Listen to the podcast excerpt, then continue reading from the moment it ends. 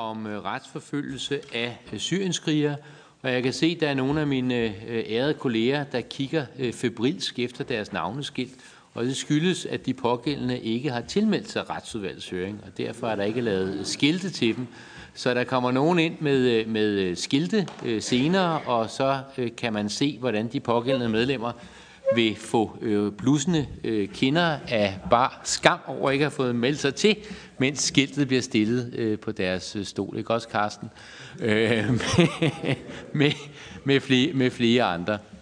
Men det er dejligt, at der er interesse om, om, om høringen.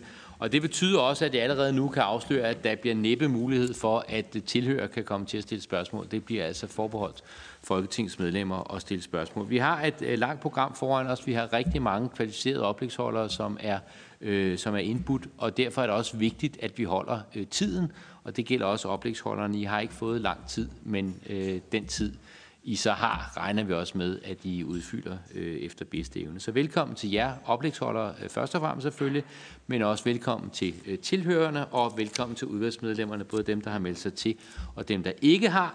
Tak fordi vi kommer, og tak fordi vi bidrager til høringen i Folketinget i dag. Og formålet med den høring, vi har, det er jo at få belyst, hvilke muligheder er der øh, for at øh, retsforfølge øh, de her øh, fremmedkrigere, som de bliver kaldt af nogen, og i forlængelse heraf, hvilke muligheder er der for øh, afsoning og også set i et øh, internationalt øh, perspektiv. Og dernæst så er øh, formålet at øh, belyse, velkommen til Peter Skåb, Øh, hermed er formålet at øh, belyse muligheder og øh, udfordringer ved at fratage statsborgerskabet fra fremmedkrigere i lyset af international ret. Og vi vil starte høringen med en beskrivelse af situationen i de tidligere ISIS-kontrollerede områder i Syrien. Inden vi så går i gang, der vil jeg kort nævne lidt om rammerne for høringen og give nogle praktiske informationer. Altså først som sagt, vi har et program på over øh, to timer, og der er ikke indlagt pause. Hvert oplæg er sat til at vare maks 10 minutter. Det er altså vigtigt, at taletiden overholdes, så vi kan nå alle oplægsholdere. Og efter oplæggene vil det så være muligt for politikerne at stille spørgsmål til oplægsholderne, og efter det sidste spørgsmål, øh, undskyld, det sidste oplæg, der er så mulighed for opsamlet spørgsmål og øh, debat. Høringen bliver filmet. Øh, I er i fjernsynet. Det er en ny oplevelse for nogle af jer. Øh, af hensyn til optagelsen, så er det altså vigtigt, at I bruger mikrofonerne, når I har ordet. Det var det, jeg selv øh, glemte. Øh, så husk, tryk jer ind, når I har ordet, og tryk jer ud, når I ikke længere har det. Efter høringen, så bliver der så serveret en lille sandwich ude foran lokalet, og der kan man selvfølgelig også mere uformelt øh, fortsætte debatten, hvis man har lyst til det. Det var det praktiske, og så vil jeg øh, præsentere vores oplægsholder. Den første oplægsholder, det er dig, Mikkel øh, Storm Jensen. Du er major, og du er øh, ansat i Forsvarsakademiet, og din opgave er at beskrive situationen i de tidligere ISIS-kontrollerede i områder i Syrien. Så har vi Frederik Harhoff, doktor jur, professor emeritus i folkeret ved SDU, der tidligere har haft undertegnet indtil flere timer. Det var både fornøjeligt og lærerigt. Tak for det. Og du har også været øh, dommer ved FN's øh, krigsforbrydertribunal for det tidligere Jugoslavien øh, med forkortelsen ICTY, og du kommer med et oplæg om retsforfølgelse og afsoning med overskriften Hvem skal retsfølge fremmedkrigerne og hvorfor? Dernæst så kommer øh, Henning Fuglsang Sørensen. Du er ekstern lektor i international ret ved SDU, og du har et oplæg, der hedder Retsforfølgelse og afsoning i et internationalt perspektiv. Og endelig så holder øh, Christian Brown øh, Præner, som er Ph.D.-stipendiat ved Aarhus Universitet, et oplæg om fratagelse af statsborgerskab for fremmedkrigere i lyset af international ret.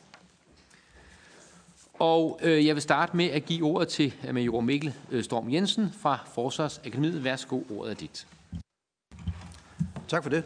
Hvis jeg må bede formanden om at række hånden i vejret, når der er to minutter tilbage af min taletid, hvis øh, jeg skulle få tabe mig.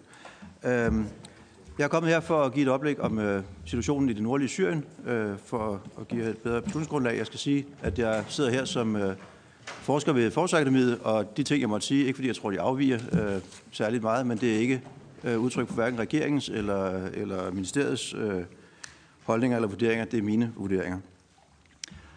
Øhm, min baggrund for at sidde her, jeg har, det her det er ikke fra, fra Syrien eller Irak. Øh, jeg har ikke været på jorden i Syrien og Irak.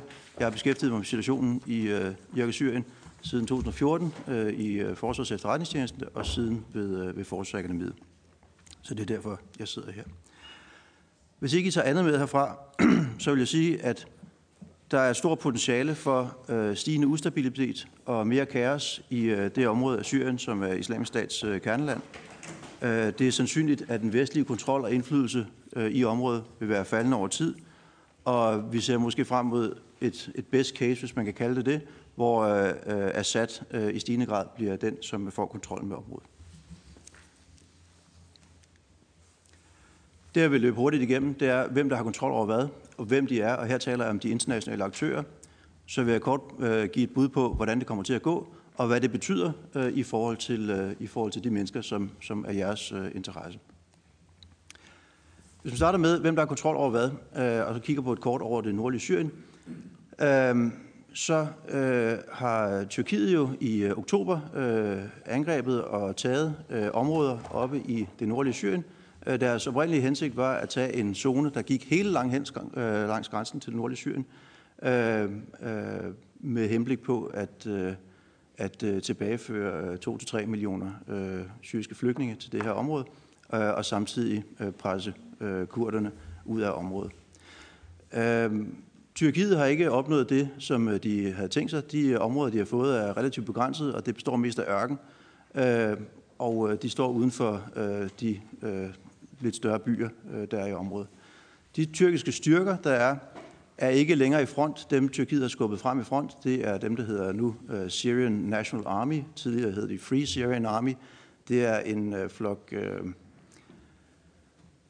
syriske øh, ret, ret det er nogle, øh, nogle ganske øh, brode øh, og ret banditagtige typer, øh, som, øh, som øh, dels er i det her øh, for pengenes skyld, Øh, dels har skiftet side et par gange, og, øh, og det kombinerer det så mange af dem med en øh, relativt øh, jihadistisk øh, tilgang til, øh, til det. Tyrkiet har haft nogle problemer med at få dem til at, at overholde krigens love, og har, har siden strammet op på, på pressepolitikken fra fronten, for at ikke der skulle komme alt for meget ud om, om dem. Men de er altså i front der. De grænser nu op til, til øh, syriske øh, og russiske styrker, Øh, Øh, Rusland spiller en meget stor rolle i området der, selvom øh, Rusland ikke har mange styrker. Rusland har omkring øh, 300 øh, øh, hvad hedder det, militær politifolk. Så det er altså ikke en, en fysisk russisk styrke, det er en politisk russisk styrke, som, øh, som holder de øh, øh parterne fra hinanden. Øh, og så har den amerikanske tilbagetrækning givet mulighed for, at øh, Assads styrker øh, har kunne øh, trænge ind i området, Øh, det er igen relativt begrænset, fordi øh, Assad har stadigvæk travlt med at øh, generobre den del af Syrien, som ligger ud mod Middelhavet. En del af den, den situation, der er oppe i hjørnet her, bygger meget høj grad på aftaler imellem Rusland og Tyrkiet. Øhm, og en del af de aftaler, det gik ud på, at Rusland skulle få Assad-Syrien, jeg beklager, det er meget kompliceret der, få Assad-Syrien til at øh, afvæbne og fjerne øh, Syrian Democratic Forces, de øh, primært kurdiske styrker, som hidtil har været grundlaget i vores, forstået som vestens, indsats mod, mod islamisk stat. Øhm, det har Syrien kun gjort i, i begrænset øh, omfang, og øh jeg vurderer, at øh, det er sandsynligt, at øh, at øh, Syrien og de kurdiske styrker, altså Assad-Syrien og de kurdiske styrker, finder en eller anden form for modus vivendi, øh, fordi de begge parter har en interesse i at, øh, at, øh, at være til stede. Øh, det vender jeg tilbage til. Så er der de øh, amerikanske styrker, øh, øh, som øh, nu er trukket tilbage. De for det første er det reduceret. Fra oktober var der var omkring øh, 2.000. Det blev reduceret første gang i december sidste år øh, men de blev reduceret til omkring 2.000, og nu reduceret til omkring 1.000, og de er trukket tilbage øh, til et område, som nogenlunde følger de store øh, oliefelter øh, ned langs øh, øh, hvad hedder det, øh, grænsen. Det betyder samtidig, at øh, de flygtningelejre, som nok primært er interesse for jer, at de stadigvæk er i, øh, øh i, i hvert fald i kurdisk kontrolleret, og, og til dels også i, øh, i amerikansk øh, om ikke kontrolleret, så i hvert fald områder med, med amerikansk indflydelse. Og så er der islamisk stat, som øh, hvis kalifat er blevet øh, nedkæmpet, øh, så det fysiske kalifat, det er væk, men de er stadigvæk øh, øh, massivt til stede i området, og der er forskellige vurderinger af, øh, i hvilket omfang øh, de har en mulighed for at komme igen. Hvor med alting er, der er stadigvæk øh, Dels øh, er der masser af islamisk stats øh, støtter rundt omkring, dels er det stadigvæk øh, penge på kistebunden, øh, og de er i stand til at, øh, at gennemføre øh, øh, både øh, kriminelle og terroraktiviteter for at, at styrke deres, øh, deres lokale position. Og der er masser af mennesker i området der, som stadigvæk synes, at den syriske regering er så dårlig en idé, at islamisk stat er et bedre alternativ. Øhm, og det er naturligvis øh, ganske, øh, ganske ubehageligt. Hvis man ser på de øh, aktører, i hvilket omfang de har, har nået, hvad de vil, så hvis vi starter med, med Erdogan, øh, og jeg har sat personerne på her, fordi det er udover statsinteresser, så er det også meget personorienteret. Øh, Erdogan har ikke opnået det, han vil i, øh, i det nordlige Syrien. Øh, han har en aftale med, med russerne, øh, men han har ikke fået de øh, store landområder, han godt kunne tænke sig, øh, dels for at få presset kurderne væk, øh, og dels for at kunne øh, komme af med, øh, med sine øh, syriske flygtninge. Øhm, og han har så øh, øh, øh sin Syrian National Army, som altså er en syrisk proxy, øh, som han har lagt ud som, som buffer. Men han er utilfreds med den situation, som er nu. Øhm, så har jeg delt den amerikanske øh, tilstedeværelse op i præsident Trump og i Pentagon. Øhm, og det er fordi, at øh, der er forskellige interesser. Øh, Trump, han vil gerne ud øh, som princip, og, øh, og så er der store øh, dele af, øh, af det amerikanske øh, statsapparat, det Trump vil kalde deep state, som, øh, som, som de vil måske også gerne ud, men, men de måske ikke ud så hurtigt og ikke på samme måde. Øh, der er en, en, en, en stor inerti øh, med hensyn til at øh, opfylde Trumps ønsker om at, øh, om at trække sig ud. Også fordi, at tilbagetrækningen øh, på den måde, den er foregået, har haft nogle øh, åbenlyst øh, ufordelagtige øh, konsekvenser. Øh, hvis vi fortsætter ned til øh, Putin øh, og Assad, øh, jamen så Øh, Putin han, øh, han ønsker, at Assad ikke taber borgerkrigen, øh, og så ønsker han at trække Tyrkiet væk øh, fra NATO. Og han, øh, begge dele er han i stand til at, at gøre i Syrien, og, og gøre det rigtig godt nu, og har stort held med det. Øh, han har ikke nogen særlig interesse i, at Assad han, øh, vinder borgerkrigen i en fart. Øh, så på den måde øh, skille steder. Øh, udviklingen, hvor amerikanerne, eller hvor især øh, Trumps øh, udmeldinger jo har trukket tæppet væk under Syrian Democratic Forces, Øh, det har naturligvis øh, sendt Syria Democratic Forces på udgik efter andre samarbejdspartnere, øh, og her er Assad en, en oplagt mulighed. Selvom de, i løbet af, af den syriske borgerkrig har de to parter ikke haft nogen form for, for alliancer, men de har heller ikke haft nogen direkte interessemodsætninger, så derfor så har der været et, en slags borgfred imellem øh, Assad og, og kurderne, og, øh, og Assad har stadigvæk en interesse i at betragte det østlige Syrien som, øh, som økonomiterræn, hvor han kan vende tilbage til, når engang han har fået styr på det, han kalder useful Syria, som er den befolkningstætte del over ved, ved Middelhavet. Øhm, her er der dog den uh, nuance, at uh, Assad er ikke interesseret i at have en, uh, en tyrkisk besættelse af det nordlige Syrien. I forvejen så har Tyr, uh, Tyrkiet besat uh, Afrin, og jeg ved ikke, om vi bruger de folkeret til de rigtige termer, men det er det, der sker. Tyrkiet er besat af Afrin, øh, og øh, øh, Tyrkiet har massiv indflydelse i Idlib-provinsen, som er den sidste øh, oprørskontrollerede øh, provins, modsat. Øh, og der har Assad, han vil hellere have, have smidt oprørerne og tyrkerne ud, end, øh, end russerne. Så der er altså ikke noget direkte interessefællesskab der. Øh, og endelig er der den øh, iranske stedværelse, som er massiv. Øh, den er nok øh, primært baseret på dels at holde Assad med vagten, og dels at få fri forsyningsveje over til, til Libanon, så de kan få deres grej over til Hezbollah. Hvis vi ser hurtigt på, hvordan det kommer til at gå, jamen så Tyrkiet har altså ikke opnået, hvad de ville, øhm, øh, og, øh, og Putin har virkelig en, en stor klemme på, øh, på øh, Erdogan i, i, i flere forskellige former. Jeg tror ikke, at øh, at Tyrkiet kommer til at nå deres mål i det, i det nordlige Syrien. Øh, Assad og Putin, øh, tiden arbejder for dem. Øh, de, øh, det går fremad med deres øh, indflydelse. De har fået nogle virkelig billige point øh, og, nogle, øh, og nogle nemme øh, øh, gevinster ved den amerikanske tilbagetrækning. Øh, Syrian Democratic Forces, de er nødt til at, de kommer fra en relativt dårlig forhandlingsposition øh, på baggrund af den amerikanske tilbagetrækning, og de skal finde en eller anden modus med, øh, med Assad. Øh, jeg ved ikke, hvordan det kommer til at gå, men deres interessefællesskabet vil i hvert fald på længere sigt øh, bringe i, spil, i, øh, i spil med, med Assad. Øh, amerikanerne og omstændigheder, der har deres øh, tilliden til, til dem, øh, de er ikke væk fra jorden, men tilliden til dem øh, er væk, og det vil sige, at det forhold, der er mellem amerikanerne og kurderne, vil jeg vurdere alt andet lige er meget mere kvid på kvo, øh, end det har været øh, indtil, øh, indtil oktober. Og så er der endelig iranerne, det er sådan jab og bob, øh, og det er mere afhængigt af, hvordan det går med, øh, med Israel, øh, når vi ser på deres øh, indflydelse. Under omstændigheder, så de her mennesker, det er folk, der trives i øh, kaos og ballade og øh, mangel på øh, regeringsførelse, og øh, alt andet lige, at når øh, amerikanerne og kurdernes øh, relativt velfungerende, øh, og rela- alt er relativt, men i syrisk sammenhæng, relativt velfungerende forsøg på at holde styr på øh, islamisk stat, øh, når det er for nedadgående, øh, og der er sat, der skal til at overtage osv., jeg kan ikke se andet, end der bliver mere tumult og kaos øh, i det område, og det vil alt andet lige gavne islamisk stat og deres muligheder. Det er sandsynligt, at hovedparten af de mennesker, som interesserer jer, at de stadigvæk befinder sig i øh, SDF-kontrollerede lejre i øh, de amerikanske dominerede områder. De masseflugter, som vi frygtede ville ske uh, umiddelbart efter den tyrkiske invasion i uh, oktober, er endnu ikke forekommet, men øh, kurdernes øh, interesse i at øh, holde styr på de her flygtningelejre er muligt endnu mindre, end den var før oktober.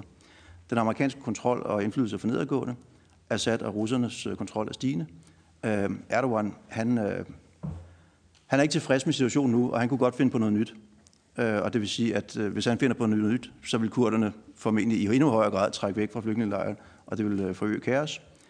Øhm, indsatsen mod øh, øh, islamisk stat er, er lige blevet genoptaget, men øh, under omstændigheder, den, altså her tænker på den amerikansk-kurdiske indsats, øh, men den er under omstændigheder markant reduceret i forhold til, hvad den var før oktober.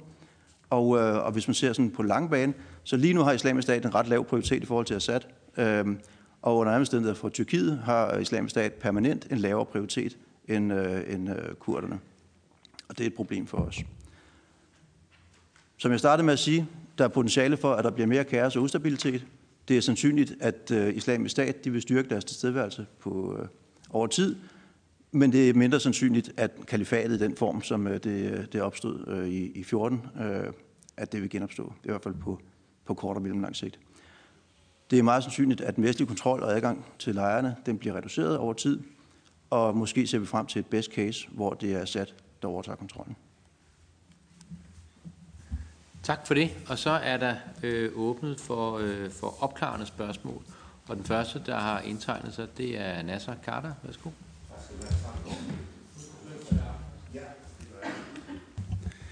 Tak for oplægget. Meget interessant, synes jeg. Øh, mit spørgsmål det er i forhold til antallet af islamisk stat jihadister. Altså det vurderes, der er mellem 10.000 og 15.000 omkring Eufratfloden. Er der så mange? Og hvor mange af dem er vesterlændinge? Og så kunne jeg godt tænke mig at høre, om der er en afrikansk forbindelse, for islamisk stat vil etablere sig i Afrika. Er der en forbindelse? Kommer der nogen fra Afrika over til og hjælper til? Altså på grund af tiden, så bliver vi nødt til at samle op, så du, øh, mindre du er autist, så skal det godt være, at du lige skal tage nogle noter, så du kan huske øh, spørgsmålet. Det næste, det er Søren Søndergaard. Jo tak, og, og, og tak for denne her øh, maling af et øh, bagtæppe for vores øh, diskussion. Øh, det synes jeg var rigtig nyttigt. Jeg har to spørgsmål. Det ene spørgsmål, det ligger ligesom i forlængelse af Forsvarets efterretningstjenestes seneste redegørelse om ISIL-fremgang. Altså øh, vurderes det, at, øh, at ISIL, IS vil have kapacitet til at angribe nogle af de steder, hvor nogle af deres folk holdes fanget. Altså i, vil det være en, en mulighed, en militær mulighed? Øh, Øh, og det andet, som ligger lidt i forlængelse af det, det er spørgsmålet om de lejre, som øh, med øh, IS-fanger og familier, øh, inklusiv børn, som øh, kurderne i øjeblikket og i lang tid har bevogtet, øh, får de nogen hjælp? Er der nogen hjælp til bevogtning af dem fra det internationale samfund, eller fra øh, NATO-lande, eller fra Danmark? Eller, altså, får de overhovedet noget hjælp i forhold til at, at holde øh, de der fanger, hvor mange kommer fra Europa, øh, lukket inde? Tak Søren. Så er det Eva Flyvholm. Værsgo. Jamen, jeg vil også øh, først og fremmest sige tusind tak for en meget præcis øh, og nyttig gennemgang. Øh, det synes jeg er rigtig godt. Øh, I forhold til situationen i selve lejrene, og hvordan I vurderer, øh, kan man sige, altså den, den øh, radikalisering, der også finder sted i lejrene, og hvor, øh, og hvor organiseret øh, det ligesom er. Vil du, vil du uddybe lidt mere om, omkring den risiko også? Tak. Ja, og så har jeg øh, mig selv. Det du nævnte om, øh, øh, om Putins mål at få Tyrkiet trukket ud af, øh, af NATO-alliancen. Hvor sandsynligt vurderer I det scenarie er, og hvad kan Putin tilbyde? Altså, Varsava-pakten er lukket, øh, og der er ikke rigtig noget andet øh, formelt forsvarssamarbejde, han kan stille i stedet. Øh, er, det, er det et scenarie, der er, øh, der er sandsynligt? Og så får du mulighed for at svare på alle spørgsmålene samlet nu. Værsgo. Tak for det. Hvis jeg svarer i øh, omvendt rækkefølge, øhm, så ligger det en lille smule uden for mit område, som jo er, er den militære situation i, i området der. Men hvad hedder det, jeg, jeg sagde væk fra, jeg sagde ikke ud af. Øh, jeg tror ikke, at, øh, at Tyrkiet blev trukket ud af NATO, men man kan se her til det sidste øh, NATO-topmøde, der sad Macron og Erdogan ved det samme bord, og Macron sagde, at øh, vi kæmper ikke mod de samme mennesker i, øh, i, i Syrien. Tværtimod, så er der nogle af os, som slås med dem, som slås sammen med os mod islamisk stat. Øh, så er der købet af øh, S-400-missiler, og der er øh, øh, en række andre forhold, som, som øh, gør det dybt problematisk, øh, Tyrkiets rolle i, i NATO i, i forhold til, til det her, og det er noget, som russerne spiller på. Så, så at trække dem væk fra, øh, det, det tror jeg, øh, de er i, i fuld gang med, men trække ud af, det, det, det tror jeg, det ligger ud over det. Øh, med hensyn til radikalisering af lejrene, så øh, jeg har ikke andet materiale end, end, øh, end, end nyhedsrapportering. Altså jeg har læst øh, udbredt nyhedsrapportering om, at, at uh, især Al-Hul-lejren, som er kæmpestor, FN siger, der er 70-80.000 mennesker der, hvor er, er halvdelen af børn, at der har øh, mange af de her kvinder, øh, som tilstrømningen var jo enorm, øh, da, øh, da de sidste dele af islamisk stat blev, øh, blev, blev lukket ned. Der, der blev de, dem, der havde fulgt med til slut, blev til sidst klemt ud af den svamp. Og, øh, og de sidder nu deroppe, og de har oprettet øh, religiøs politi, HISPA, som øh, sørger for, at øh, utilstyrede kvinder de får, øh, får tæsk, eller bliver slået ihjel, eller får deres telte brændt af. Øh, og så sidder de og venter på, at deres, øh, at deres mænd skal komme og redde dem. Øh, jeg, jeg kan hverken billede afkræfte, hvad, hvad der foregår. Jeg vil bare sige, at, at nyhedsrapporteringen, øh, det ser ikke ud til, at, at øh, at hul er noget, øh, er noget rart sted at være, hvis man ikke er total hardcore islamist. Øhm, med hensyn til, øh, til lejerne, øh, jeg har ikke læst andet end, at det er kurderne, der står for bevogtningen, at øh, bevogtningen er faldet markant øh, øh, efter den tyrkiske invasion, øh, og øh, jeg har ikke øh, set rapportering. Jeg tvivler på, at der er nogen øh, øh NATO- eller øh, EU-lande, som, som deltager i, i noget som helst i, i den retning. Jeg har ikke set andet, end at det er kurderne, der står for bevogtningen. Øh, der er dog en, øh, indikationer på, at amerikanerne i hvert fald følger med i, hvad der sker, fordi øh, enkelte virkelig high-value øh, individer blev fjernet i forbindelse med den, den tyrkiske invasion. Øh, så er der den militære mulighed for angreb på lejren. Det var en af de ting, som man havde frygtet. Øh, det er ikke sket endnu. Øh, og, øh, og, og man må aldrig nogensinde lave en efterretningsvurdering, der hedder, det kan ikke udelukkes. Øh, altså, hvis, hvis der kommer mere kaos og mindre kontrol, så har islamisk stat, de har vist sig øh, at være i stand til at gennemføre nogle øh, ret effektive øh, operationer. Øh, og hvis der er, øh, jeg læste nogle steder, der var, er det nede på 80 mand, der holder øje med al hvor der er 70.000 mennesker lige nu. Øh, så man kan ikke udelukke, det må man ikke sige, men det, det, jeg vil i hvert fald ikke udelukke det. Øh, med hensyn til, øh, hvor mange øh, der er, Øh, det lyder som om, at, at, øh, at øh, det det medlem har, har læst de samme tal, øh, som jeg har, så det tror jeg, det er, det er de tal, der er ude i, i åbne kilder. Den slags tal er forbundet med enormt stor usikkerhed, øh, og det er uanset om der står hjem eller, eller uklassificeret på, på papiret, fordi det er bare et kaotisk område. men jeg vil tro, at med hensyn til, til, hvis du tænker på specifikt danske individer, så vil, øh, så vil både FE og PT have, have meget bedre adgang til, øh, til oplysninger, end, øh, end jeg har. Med hensyn til de afrikanske forbindelser, så er islamisk stats... Øh, øh hele den organisation er bygget meget løst op, og har meget, i modsætning til, øh, til al-Qaida, har, har deres, deres koncept været, at det er rigtig nemt at melde sig ind øh, i det. Øh, man har bare skulle øh, erklære troskab, man har hverken skulle kunne, jeg kunne læse, han har sagt, øh, læse de rigtige bøger eller sende penge eller noget som helst. Og dermed så, øh, så har de et, øh, et internationalt øh, og, og, og løst øh, netværk. Øh, så, så de, ja, der, der er linjer både til Afghanistan og til, øh, og til øh, Afrika og til, øh, til øh, Indonesien og Fjernøsten. Øhm, med hensyn til, hvor mange der kommer, øh, så, er det, øh, så er det mit indtryk fra åbne kilder, at der kommer meget færre nu. Øh, så de første, der melder sig ind i klubben øh, nu, øh, det var mere øh, attraktivt, da, da det gik fremad i, øh, i, øh, i 16, øh, 14 til 14 til 16. Tak. tak til dig, øh, Mikkel Storm Jensen. Øh, og så er det øh, Frederik Harhoffs tur. Værsgo.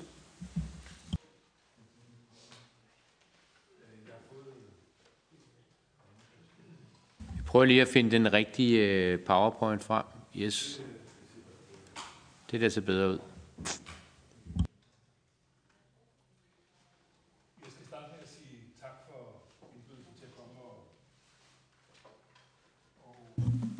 og øh, give et oplæg om, om retsforfølgning, sådan som jeg vil se det ud fra en folkeretlig synsvinkel. Jeg synes, det er et vanvittigt godt initiativ for retsudvalget, og jeg håber, at vores bidrag her i dag kan øh, gøre nogen, i hvert fald nogle af tingene klarere, end de hidtil har været. Det må jeg sige. Jeg er blevet bedt om at tale lidt om retsforfølgning af fremmedkrigerne, og øh, da der kun er 10 minutter til rådighed, så skal det altså være i fuld firespring.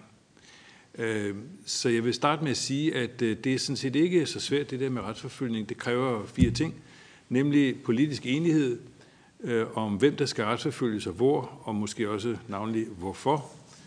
Og så kræves det, at der er et, øh, et retsgrundlag, som man kan dømme efter og dømme på. Det gælder både nogle strafferammer, men det gælder også en, en procesordning, og, og, og der er det klart, der stiller øh, den diskussion sig lidt forskelligt, alt efter om vi snakker om retsforfølgning ved nationale domstole, altså herhjemme, eller hvorvidt vi forestiller os, at der skal laves en international straffedomstol et eller andet sted i Mellemøsten, der kan retsforfølge de her forbrydelser, der er begået under krigen. Og så ikke overraskende, det er sindssygt dyrt. Altså, der, man, der skal rystes op med meget store midler hvis det her skal køre, navnlig hvis det skal køres i en international domstol. Det skal jeg komme tilbage til. Der er det min erfaring som dommer ved FN-domstolen i Haag, at, øh, at det, det koster det hvide ud af øjnene simpelthen. Og til sidst, det tager enormt lang tid. Det tager lang tid at få dem op at stå, altså overhovedet få domstolen op at stå, hvis man skal have det. Det tager lang tid at efterforske sagerne, og det tager lang tid at gennemføre dem, fordi det er svært, uanset om man sidder i, i Mellemøsten med en domstol, eller man sidder herhjemme, er det sindssygt svært at få øh, tilvejebragt de beviser, man skal bruge, og at få lagt en fornuftig standard for vurderingen af de beviser, man så får ind i retten. Øh, det, det, det er altså ikke noget, der kan, der kan ordnes sådan lige hen over, over sommeren. Lad os se på det første. Øh, altså, hvis man tænker sig, at der øh, føres på et tidspunkt fredsforhandlinger om en afslutning på krigen i Syrien. Øh, så vil der være x antal parter i sådan en fredsforhandling. Der kan være Øh, EU, der kan være USA, der kan være Rusland, der kan være øh, Syriens nabolande, der så også FN måske, øh, der vil sidde rundt omkring bordet og prøve at forhandle om, hvordan den her konflikt nu skal løses, skal der ske en territorial opdeling af det syriske territorium, så der kommer nogle autonome områder, eller hvordan skal kagen skæres. Det vil være hovedingrediensen for sådan nogle fredsforhandlinger. Øh, også hvad stiller man op med, med den kontrol, som forskellige grupper har, har, har bemægtet sig over, over territoriet. Det sidste punkt vil jeg foreslå, eller vil jeg tro, der kommer op til diskussion på sådan en fredskonference, det vil så være det her spørgsmål om retsforfølgning. Hvad gør vi med, med alle de forbrydelser, der er begået? Og der er det altså sådan, at der må dem, der sidder omkring bordet, være redde til at gå ind og tage stilling til det her spørgsmål om, hvordan håndterer vi retsforfølgningen af, af forbrydelserne. Øh, det gik jo ikke særlig godt i Dayton-aftalen, da vi så den i sin tid efter krigen i Bosnien, hvor retsforfølgning stort set, stort set var uomtalt i selve aftaleteksten. Der var nogle henvisninger til, til en retsforfølgning i nogle af bilagene, der fulgte til Dayton-aftalen, men, men altså, det var ikke politisk muligt på det tidspunkt åbenbart at tage stilling til retsforfølgning, øh, da man sluttede øh, krigen i, i december 1995. Øh, men altså, når det gælder Syrien, der må parterne være, være redde til at, øh, at, at håndtere det her problem. Man kan sige, hvem, hvis vi taler om en international domstol, altså hvem skulle oprette den? Skulle det være FN? Hmm, det tror jeg ikke. FN er indstillet på en gang til at oprette nye øh, regionale eller internationale domstole. Igen, fordi erfaringerne er, at det er alt for dyrt. Det er simpelthen tappet øh, FN for, for enorme midler, så det gør FN ikke igen med stensikkerhed øh, og det kom til at tage for lang tid. Så kunne man tænke sig Rusland og USA og eventuelt EU. Øh, problemet med EU er, at der ikke er hjemmel i EU-retsgrundlaget til at oprette internationale domstole i udlandet. Så, så EU kan altså ikke være med på anden måde end gennem det almindelige internationale samarbejde, hvor EU kan gå ind og måske være med til at finansiere en, en international strafdomstol. Men der kan ikke blive tale om, at EU skulle gå med og være med til at oprette en sådan domstol. Det er der simpelthen ikke hjemmel til. Rusland og USA kunne gøre det, fordi de har interesser i området. Og endelig, det mest nærliggende vil måske være at uh, se på landene omkring Syrien. Øh, det gælder Jordan, Libanon, Tyrkiet og, og Irak. Mm. Men altså, det bliver en, en ganske vanskelig forhandling, der skal finde sted, øh, når, når den syriske fred skal, skal forhandles på plads. Det må jeg sige. Øh, jeg ved ikke, hvad Danmark kan tilbyde, men, men jeg gætter på, at, at øh, at vi prøver at koordinere vores indsats gennem EU, så man i hvert fald kan samarbejde om et, et, et fælles europæisk input i de der fredsforhandlinger. Det vil være. Så er der spørgsmålet, hvem skal retsforfølges? Øh, det oplagte vil jo være, at alle forbrydelser skal retsforfølges. Også dem, der er begået af Al-Assads styrker, og dem, der er begået af Syrian øh, National Forces og Defense Forces osv. Det hele skal selvfølgelig retsforfølges. Og der er der kæmpe forbrydelser, der er blevet begået med kemiske angreb fra måske begge sider, øh, afbrænding af landsbyer, voldtægter osv. Der, der er meget, der er gået galt. Øhm, men det er klart, at hvis man vælger at retsforfølge alle parter, så kan man måske komme til at løbe ind i lidt modstand. Altså, øh, amerikanerne vil måske have vanskeligt ved at gå med til, at, at forbrydelser, der er begået af kurdiske styrker, skal retsforfølges, fordi dem har vi jo samarbejdet med. Øh, omvendt kan Rusland have Øh, vanskeligheder ved at acceptere, at øh, forbrydelser, der er begået af al-Assads syriske styrker, skal altså retsforfølges. Så øh, man skal altså, der skal, der skal forhandles lidt omkring afgrænsning af dem, der overhovedet kan tiltales ved den her domstol. Øhm, og det nærliggende er jo så at sige, okay, hvis ikke vi kan blive enige om andet, så er det i hvert fald alle de forbrydelser, der er begået af ISIS, de skal i hvert fald øh, retsforfølges. Og det vil måske være en, et godt udgangspunkt. Der er bare det ved det, at, og det vender tilbage til spørgsmålet om, hvorfor er det, vi retsforfølger. Det gør vi jo selvfølgelig først og fremmest af hensyn til retfærdigheden. Og fordi vi synes, at når der er begået forbrydelser i den her øh, størrelsesorden, så skal de retsforfølges. Og det støder vores retsfølelse, øh, hvis ikke det er det. Der er sådan måske lidt luftige begreber som retfærdighed og, og, og retssikkerhed. Det må være sådan, at alle de forbrydelser, der er begået, skal altså retsforfølges. Men, men hvis det ikke det er muligt, så, så må man altså skære kreds ned. Men så står man tilbage med et andet problem, nemlig hensynet til offrene. Hvis kun vi retsforfølger en tiende del af de forbrydelser, der er begået, der, så vil alle dem, der har været ofre for kemiske angreb og for andet, stå tilbage og sige, hvad med os? Hvorfor skal vores lidelser ikke også høres og anerkendes? Det vil være oprettes eller opleves som død urimeligt. Øhm, så, så altså det er det problemer, eller nogle af de problemer, der vil melde sig ved de internationale domstole. Hvis vi så kigger i stedet for på national retsforfølgning, så er det langt mindre vanskeligt, fordi her vil vi kunne sige, at der vil vi kunne retsforfølge danske øh, statsborgere.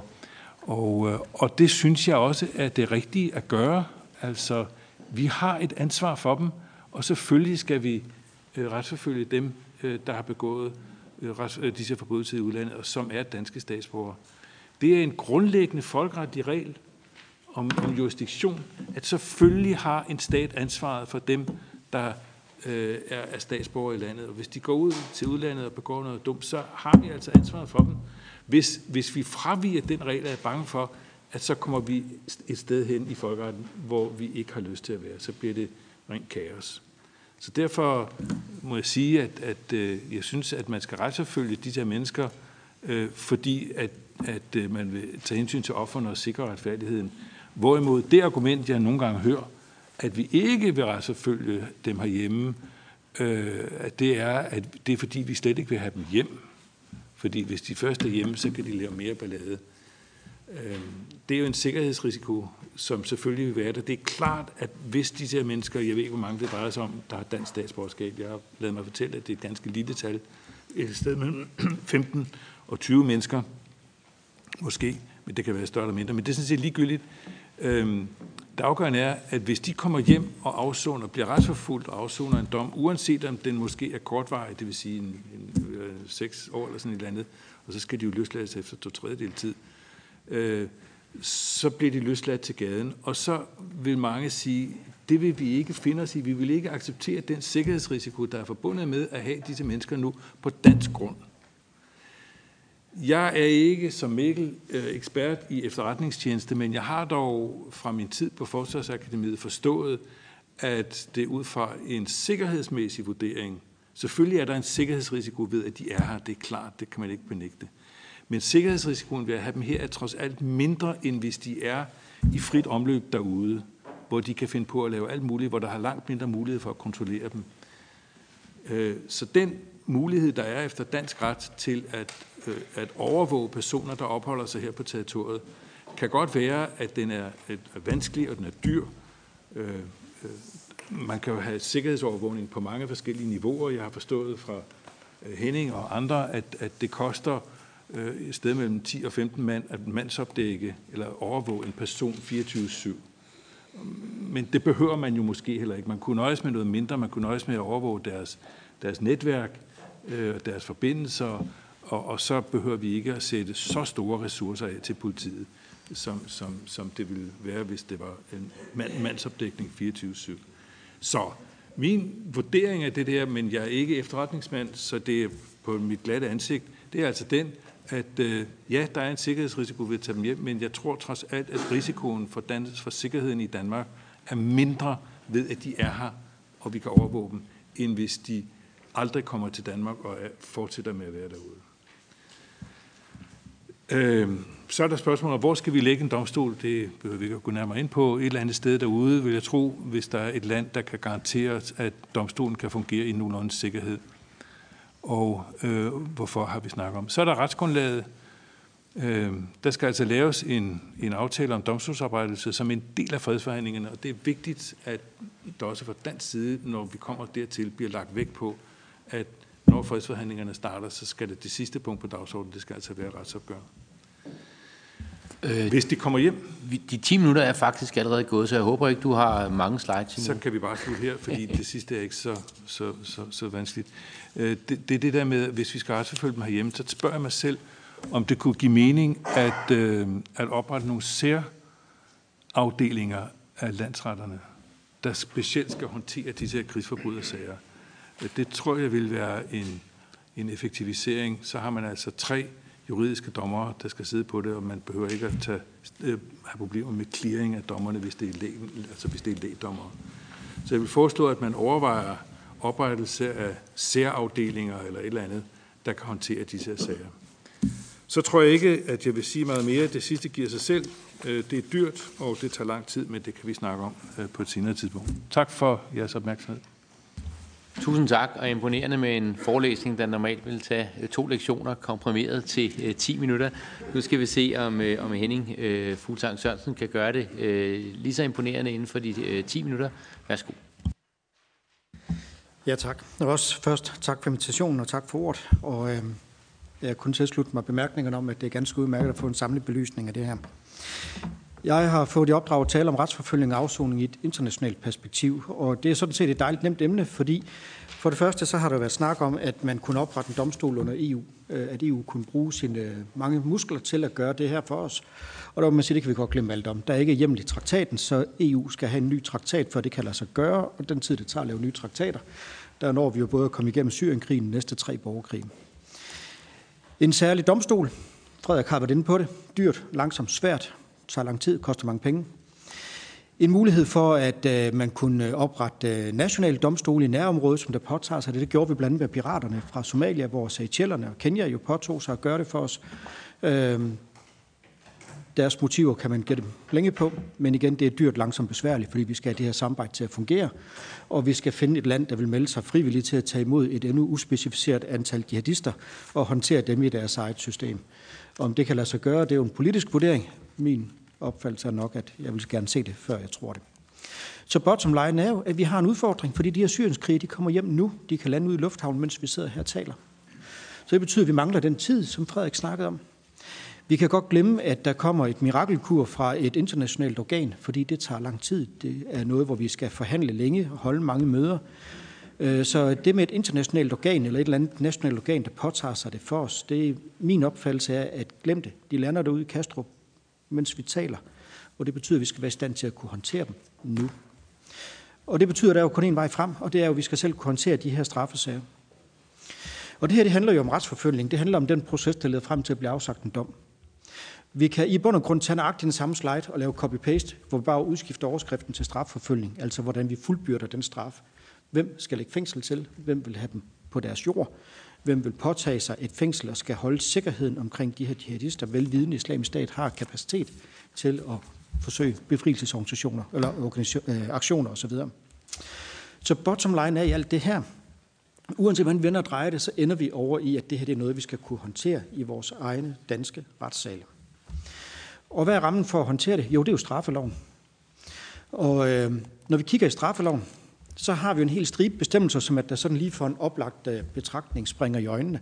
Terrorisme som den absolut topscorer, øh, men også de forskellige andre øh, sidebestemmelser til terrorbestemmelsen, og så selvfølgelig også 101A, som vi jo fik for nogle år siden, der jo handler om, at man tilslutter sig fremmed væbnet styrke. Min umiddelbare opfattelse er egentlig, at når vi kigger ned over, hvad vi har af redskaber i værktøjskassen, så øh, kan jeg ikke sådan lige umiddelbart identificere nogle huller i osten. Jeg mener umiddelbart, at vi har de redskaber, vi har brug for. Det, der er udfordringen her, det er jo selvfølgelig det bevismæssige problem, fordi strafansvar, det er jo et individuelt bevisansvar. Vi skal bevise, hvad den enkelte selv har begået af drab og afbrænding af landsbyer og nedbrænding af telte i en lejr, hvor vi jo ikke engang kan komme ind og tælle, hvor mange mennesker der bor. Så vi har et vanvittigt svært bevisproblem, men vores værktøjskasse er sådan set egentlig okay. Det, man så bare skal være opmærksom på, det er jo, at de straframmer, der jo ligger på det her, terrorisme har livstid, men de andre ligger og svinger fra 6 år til 10 år. Og det betyder jo, at dem vi får hjem, og som vi får dømt, der må vi jo nok se i øjnene, at de står til relativt korte frihedsstraffe. Hvis man tager den helt nemme udgave, hvor man er rejst til et af de forbudte områder i Syrien, første overtrædelser for det, det er, det fængsel i 6 måneder, så er man løsladt efter fuld udstået straftid. Så de mennesker, der kommer hjem, selvom vi så endelig måtte have held til at dømme dem, fordi vi har den her bevisudfordring, kan jeg se frem til, hvad jeg vil betragte, uanset det måles i år, som relativt korte frihedsstraffe. Og så er vi tilbage ved, så har vi et sikkerhedsproblem, fordi så kommer de ud og går på gader og stræder, præcis som Frederik også var inde på. Men vores strafferamme giver os et andet praktisk problem, fordi vores strafferet er jo sådan indrettet, at det er strafferammen, der regulerer, hvornår noget forældes. Jo længere strafferamme, jo længere forældelsesfrist. Og kigger vi på forældelsesfristerne for de her bestemmelser, så vil vi jo selvfølgelig kunne se, at terrorisme med sin livstid, den bliver ikke forældet. Den, den kører jeg levighed, indtil gerningsmanden dør. Men alle de andre, de er forældet efter 10 år. Umiddelbart så lyder 10 år som lang tid. Men så skal man jo igen huske på, at det er et individuelt ansvar, så det er den enkeltes egne handlinger. Så der, hvor man har begået det sidste drab, eller den sidste ildspåsættelse nede i Syrien, det er derfra den dato, at 10-årsfristen begynder at løbe. Og det betyder jo, at de her mennesker, så længe de sidder i et eller andet kurdisk fængsel eller en eller anden kurdisk lejr, jamen så arbejder uret for dem. Fordi hvis de sidder der i 10 år, så kan de rejse ind i Danmark, så kan vi ikke røre dem, fordi så er deres strafansvar fældet. Medmindre vi kan gå den fulde vej og dømme dem for terrorisme. Så når vi skal håndtere det her i vores danske strafferet, i vores danske domstole, så får vi nogle bevisproblemer. Vi har et praktisk problem med, at det er 10 år, så lukker vinduet i realiteten og at det her det giver nogle relativt korte frihedsstraffe, som gør, at vi så har dem ude på gader og stræder som frie mennesker, der har afsonet deres straf, der har så at sige betalt deres gæld til samfundet for deres ugerninger. Så kan vi overvåge dem, hvis vi mener, der er behov for det, hvis der er grundlag for det, og vi kan finde pengene til det. Men ellers så er de jo fuldstændig ligesom en hver anden, der er dømt og har afsonet, i stand til at genoptage det liv, som de nu måtte ønske at leve som frie mennesker i Danmark. Så godt nok så har vi værktøjskassen i orden. Vi har de bestemmelser i strafloven, vi har brug for, men den praktiske brug af dem efterlader altså nogle voldsomme huller for os.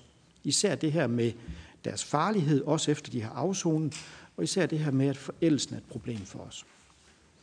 Så hvis at jeg sådan helt lavpraktisk kunne få lov at lave en ønskeliste til, hvad jeg kunne tænke mig, at vi fik af nye, ikke nye bestemmelser i straffeloven, men nye muligheder for at komme efter de her mennesker, som at der sådan rent lavpraktisk vil gøre det her nemmere for, Øh, for øh, politi, anklagemyndighed, domstole, fængselsvæsen osv., så består det i to hovedting på min ønskeliste.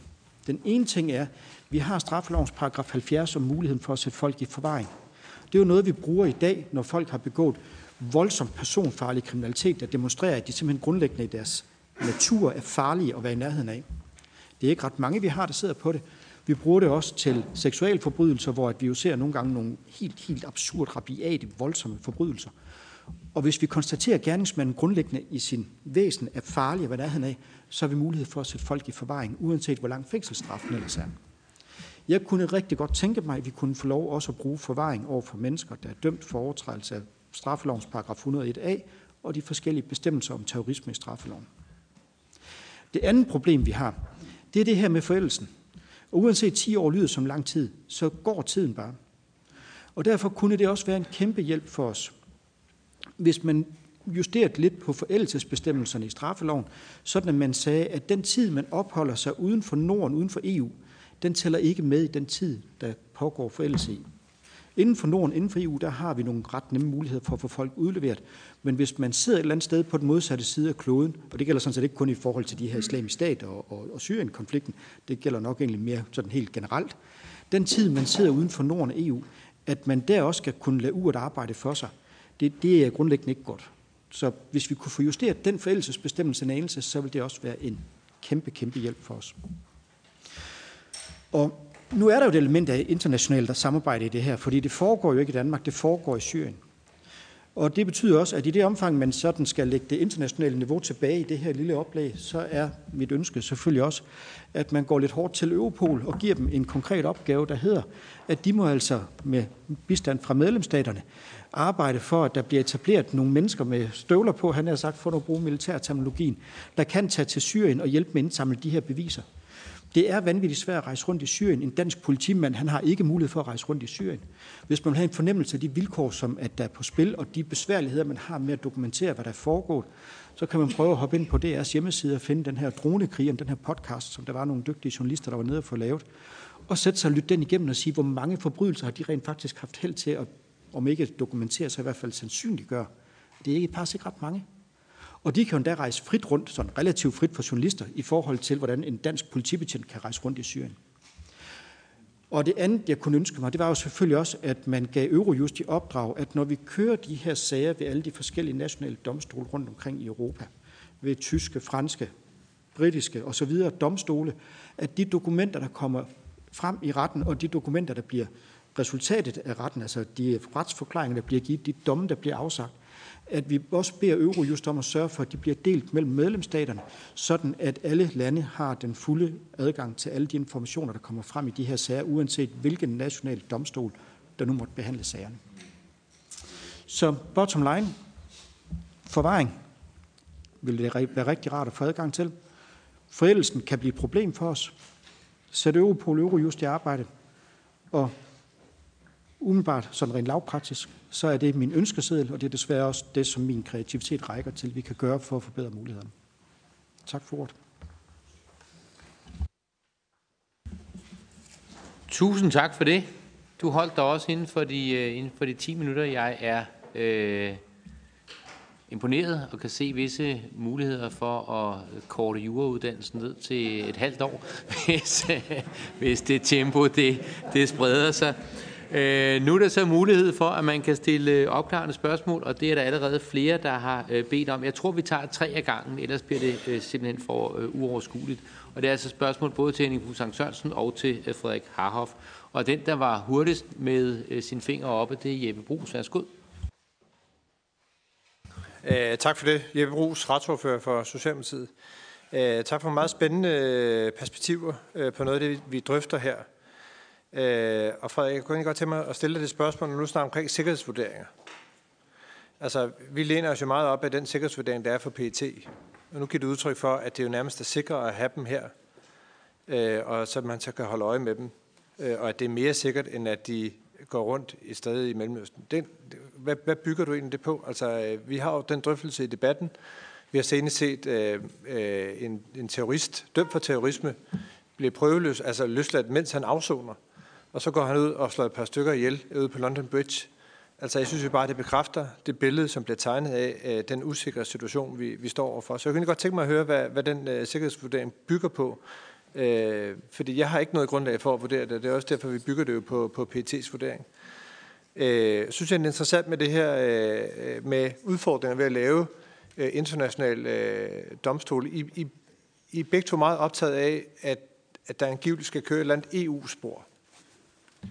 Øh, sådan som jeg har hørt debatten, og det jeg egentlig hører min egen regering sige, det er, at man jo er i gang med forhandlinger med ligesindede lande. Jeg har faktisk ikke hørt nogen udtrykke, at man forsøger at lave en EU øh, domstol eller en EU-tribunal. Så jeg kunne godt tænke mig at høre, hvad, hvad bygger den øh, kommentar egentlig på?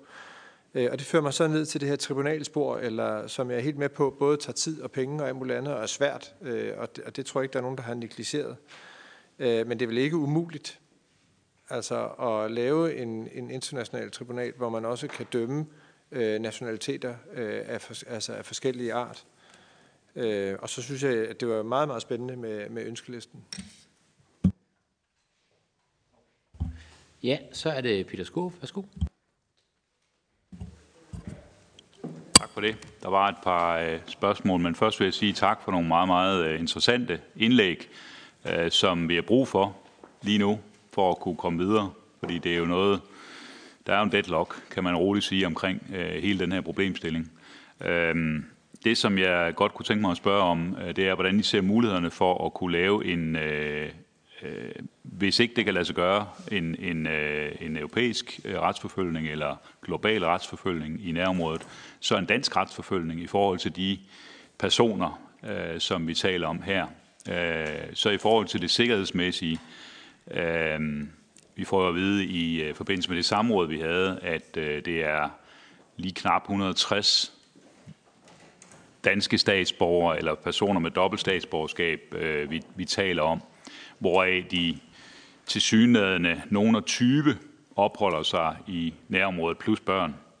Øhm, der kunne jeg godt tænke mig at, at spørge til jeres vurdering af, ud fra de forskellige forudsætninger, I har, om øh, man har en tro på, at det, det er det rigtige tal, eller om der måske kan være folk, der er rejst ud på anden basis, som vi ikke øh, umiddelbart har kendskab til. Det er der jo nogen, der siger ude i kommunerne, at det er sådan.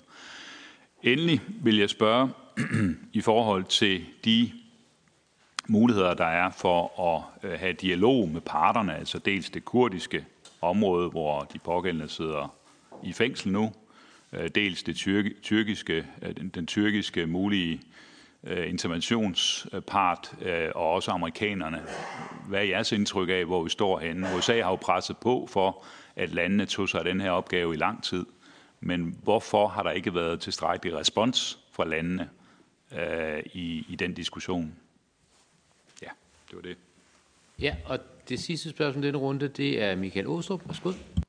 Ja, tak for det, og øh, tak for øh, de forskellige indlæg, som jo primært kom til at handle om øh, meget klar øh, overvægt på, hvorfor det var en fornuftigt at få dem retsforfulgt i Danmark, øh, kontra det, som jeg tror et voldsomt stort flertal af Folketinget jo faktisk ellers arbejder for, øh, nemlig at sørge for, at de skal retsforfølges i nærområdet. Så det er det, jeg prøver at dreje debatten ind på, som jeg egentlig også troede var høringens formål. Øh, men men øh, allerførst i, øh, i forhold til Frederik Harhoff, som siger, at øh, FN ikke vil være villig øh, til at stå bag det, forventer du, tror jeg, det var et præcist ord for. Det forstår jeg ikke helt. Fordi FN's generalsekretær besøgte faktisk København øh, for forholdsvis få dage siden, hvor nogle af os havde en mulighed for at mødes med ham. Og jeg spurgte ham faktisk direkte, øh, om FN ville være klar på at overtage sådan en rolle for en international domstol, og han svarede ja til mig. Øh, så det synes jeg er lidt i modstrid. Øh, og derfor kunne det være interessant at vide, hvad det er, du bygger øh, på i forhold til, hvad FN's generalsekretær øh, øh, sagde til mig i hvert fald. Øh, så i, øh, i forhold til, øh, hvad det er for en af de her løsningsforslag, man så ville skulle gå efter, øh, så, så tror jeg i hvert fald, der er rigtig mange, også lokalt, som har en retsfølelse for de mennesker, som bor i Syrien og Irak, om at det også vil være rart for deres retsfølelse, hvis folk blev øh, retsforfulgt der, hvor forbrydelserne er sket. Det synes jeg, vi glemmer lidt. Øh, altså jeg har i hvert fald mødtes med rigtig mange kurdere fra både Syrien og Irak, som har det ønske. Og derfor kunne det være interessant, hvis I kunne prøve at belyse lidt for, at selvom det er dyrt, selvom det er besværligt, det har vi forstået, men hvordan ville det kunne lade sig gøre rent teknisk at lave en, en domstol, for eksempel i det kurdisk kontrollerede del af Irak, øh, som jeg i hvert fald ved, at selv har sagt, at det er de faktisk ikke afvisende over for, hvis de kan få de nødvendige ressourcer fra det internationale samfund osv. osv. De har et kæmpe behov for retsfølelse for de her mennesker. Rigtig mange af dem øh, øh, blev angrebet på det. Så hvordan vil de eventuelt kunne lade sig gøre og stille op? Og så bare lige det sidste del til Henning Fuglsang med ønskelisten, som var rigtig interessant. Øhm, bare lige et rent teknisk spørgsmål i forhold til Europol og Eurojust. Vil der være nogle problemer i forhold til vores øh, retsundtagelse øh, i forhold til bare kort og kontant? Tak. Ja, så lad mig bare lige øh, øh, selv følge op, hvis I også lige måske kort vil komme ind på det, fordi jeg tænker også, en stor del af bevisførelsen vil jo være øh, afhøring af vidner, og det vil vel alt andet lige være nemmere, øh, hvis øh, domstolen geografisk er placeret øh, der, hvor øh, vidnerne opholder sig. Men jeg ved ikke, hvem er der vil øh, lægge for.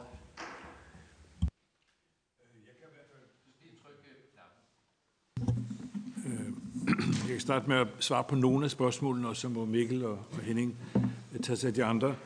Øh, Jeppe Brugs, du spurgte om, hvor har jeg det fra med, at det skulle være mindre usikkert at have dem herhjemme, end det ville være at lade dem gå derude.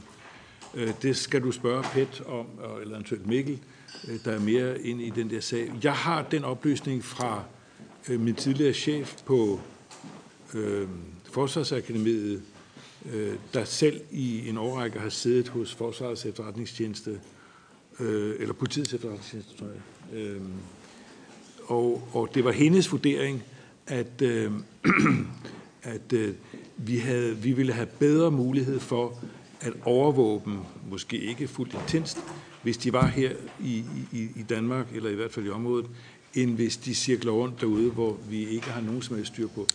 Om hendes vurdering er rigtigt, øh, det tør jeg ikke sige, men det, var, det er derfor, jeg har det. Det er altså en kilde fra, fra Forsvarsakademiet.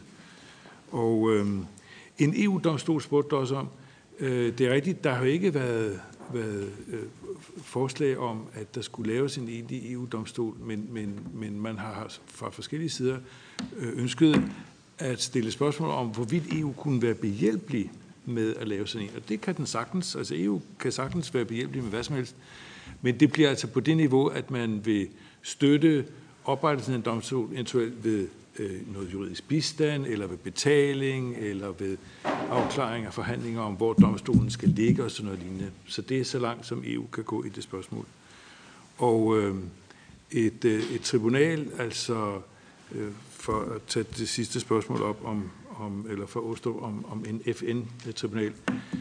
Øh, jeg kan huske den domstol, jeg selv sad i, og søsterdomstolen for Rwanda. Vi brugte os to domstole til sammen. Over halvdelen af det FN-budget, der var afsat til samtlige fredsbevarende operationer i, i, i FN-regi.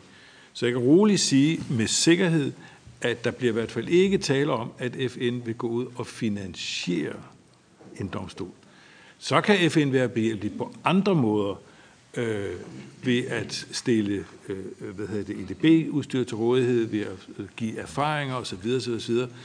Øh, og, og være behjælpelig, danne ramme om de forhandlinger, der skal føres. De skal jo føres et eller andet sted. Skal det være FN's hovedkvarter i Wien, eller Paris, eller New York, eller den slags ting, administrative ting, kan FN gå ind og gøre, men de betaler ikke, det garanterer jeg for. Øhm, øh, Peter, du nævnte spørgsmål om tal. Altså, jeg har ikke øh, egne tal. Øh, øh, de tal, som jeg citerede, er, er tal, som jeg har fanget op i pressen. Jeg forstår, at det drejer, man ved, at der er cirka 160-70 personer, der er udrejst fra Danmark øh, til det område. Hvor mange af dem, der har deltaget i kamphandlinger, ved vi ikke. Vi ved heller ikke, hvor mange, øh, der har deltaget i kamphandlinger på samme side som os, altså sammen med kurderne, altså kæmpet sammen med de styrker, som vi har støttet. Øhm, så øh, jeg, jeg har hørt det talt, at et eller andet sted mellem 15 og 20 personer, som man regner med, at man ville have nogenlunde holdbare sager imod af de 160 personer. Vil man, altså, jeg har ikke bedre tal, og, og der må vi spørge PET og, og FED og FE, om, om de kan være spjælpelige med. Men altså, under alle omstændigheder er det et relativt begrænset tal, der ville skulle kunne retsforfølges her i Danmark. Øhm, så spurgte øh, du også om dialog øh, med, med, øh, med parterne. Altså, øh, jeg tror, at man har øh, gjort sig store anstrengelser for at prøve at få etableret en domstol derude, altså i nærområdet. Og det, det er klart, at det vil også være bedst for retsfølelsen for dem, der er offer derude, at de ser, øh, at der sker noget. Øh, at de kan få deres lidelser hørt. Og øh, det må jeg sige, en af de erfaringer, jeg har fra domstolen i Haag, var, at øh, dem, der blev kaldt ind øh, som vidne, som også var ofre, øh, var helt udelt taknemmelige og begejstrede for at få lov til at fortælle deres historie om de lidelser, de har været igennem. Det er sindssygt vigtigt. Der er næsten ikke noget, der er værre end at lide, øh, øh, end at når man så har lidt, at så er der ingen, der gider at høre på det bagefter. Så det er klart, at det, der er et kæmpe behov for, at der skal ske en eller anden form for retsforfølgning, og det ville være bedst, hvis vi kunne gøre det derude. Det er jeg helt enig i. Øh, af tekniske grunde, hensyn til viden og alt muligt andet. Øh, der er bare det problem ved det, at det kræver, som jeg viste på mine slides deroppe, det kræver altså, at vi bliver enige om, hvem er det så, der skal kunne retsforfølges. Og, øh, og så skal vi også have et retsgrundlag. Der kan man altså kopiere selvfølgelig ICC-statuten og procesreglementet øh, i, i større eller mindre omfang, og så kan man tage nogle syriske strafbestemmelser med ind for at lave det sådan lidt mere lokalt. Men, men, øh, men øh, problemet er, synes jeg, at det går der i mindst to, mindst to år med og hvad skal vi så stille op med de mennesker i, i mellemtiden? Vi kan ikke bare blive ved med at internere dem eller holde dem fanget et eller andet sted. Det skal være et retsgrundlag, som de kan holdes på. Og det synes jeg er det store problem. Og så er det, det derfor det har været min konklusion, at hvis ikke det er muligt at få etableret sådan en domstol meget hurtigt, og det tror jeg ikke det er, så er det næstbedste, det er så, okay, så tager vi dem hjem, vi kan til retsforfølgningen. Så sker der i hvert fald noget. Ja, værsgo. Så er det, du skal slukke øh, mikrofonen igen, så er det Henning Sørensen. Værsgo. Jeg vil egentlig bare følge samme spor. At, øh, ja, for det første spørgsmål om et EU-spor. Øh, det er muligt, at vi måske begge to, jeg i hvert fald har været politisk tonedøv. Jeg forstår, at det var en del af debatten på et tidspunkt. Derfor fandt jeg det relevant lige at runde i denne samling. Men ingen tvivl om, at når man taler om strafforfølgning, så det at få det afviklet i lokalområdet, det er det absolut nummer et. Der er også en grund til, at vi også kører danske straffesager der, hvor gerningsstedet er netop fordi det er ulig nemmere at komme til bevismateriale, gerningssteder, vidner osv.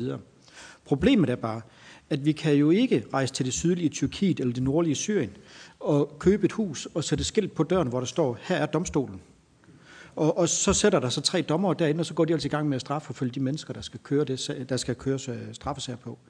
Der er nødt til at være nogen, som at der siger, den domstol må gerne ligge i vores baghave. Og indtil videre, så har jeg i hvert fald ikke bemærket hverken Tyrkiet, Kypern, Libanon, nogle andre sige, vi tager en forhold. Vi så det omkring piraterne, der meldte til Tjellerne og Kenya sig. Den tog de, og det var dejligt. Det var fint, det løste problemet for os, for så havde vi et problem med, at vi skulle slå op med piraterne. Men så længe der ikke er nogen, der vil tage en forhold på den her, så kommer vi ikke længere med mindre FN eller nogle af stormagterne går ind og siger, nu skal Tyrkiet tage den her forhold, og man så vælger at bøje sig for deres ønsker, viljer, politiske pres. Men al den stund, vi ikke har fået domstolen endnu, så er der jo ikke nogen, der har demonstreret det pres, der gør, at der er nogen, der vil tage en forhold. Og det betyder jo så også, at der er ikke en international domstol. Vores bedste bud er, at der kommer ikke en de første år. Og det betyder, når vi står med en, der lander ude i Kastrup, hvad delen stiller vi op med banditten? Og der er altså kun en vej frem, og det er de nationale domstole. Så uanset at man godt kan arbejde videre i et internationalt spor, så kommer vi ikke udenom, at vores første redskab i denne sammenhæng, vores første mulighed for at reagere over for dem, det er de nationale domstole, og dem er vi nødt til at bruge, fordi vi har ikke nogen alternativer. Hvis man skal prøve at sætte tingene lidt i relief, så kan man sige, at de to domstole, der var omkring Jugoslavien og Rwanda, de er jo samlet i dag i, i en fælles domstol, der jo sådan har arvet pakken fra dengang. Det er jo nogle gamle konflikter. I dag der sidder der stadigvæk 500 medarbejdere. De har et budget på en halv milliard. Og dybest set så er de jo egentlig bare et stort arkivskab. Og alligevel så koster det de summer. Så det her det er dyrt, det er svært, og problemet er, når vi først får etableret de her domstole, så kan vi simpelthen ikke komme af med dem igen. De bliver ved med at være der. De er vanvittigt svære at få lukket, og derfor så er det noget, man skal tænke sig rigtig godt om, inden man opretter. Øhm, I forhold til at, øhm, at bringe Europol og Eurojust i spil, der betyder retsforholdet ikke noget. Der har vi heldigvis fået nogle, ikke parallelaftaler, men samarbejdsaftaler, der er så rummelige, så dem kan vi godt have med i den sammenhæng. Så det er sådan set udmærket. Antallet, der måtte være, det har jeg absolut ikke noget bud på. Øh, så det tør jeg ikke begynde at rode mod i. Men der er ingen tvivl om, at bundlinjen i det her, det er, kunne det lade sig gøre at lave noget, hvor vi kørte det i lokalområdet, så var det da absolut at foretrække. Det vil da absolut være nummer et. Men på den korte bane, der er det bare en fantasi. På den korte bane, der er der kun en vej frem, og det er altså dommeren nede i Københavns Byret. Ja, og så Mikkel Storm Jensen, værsgo.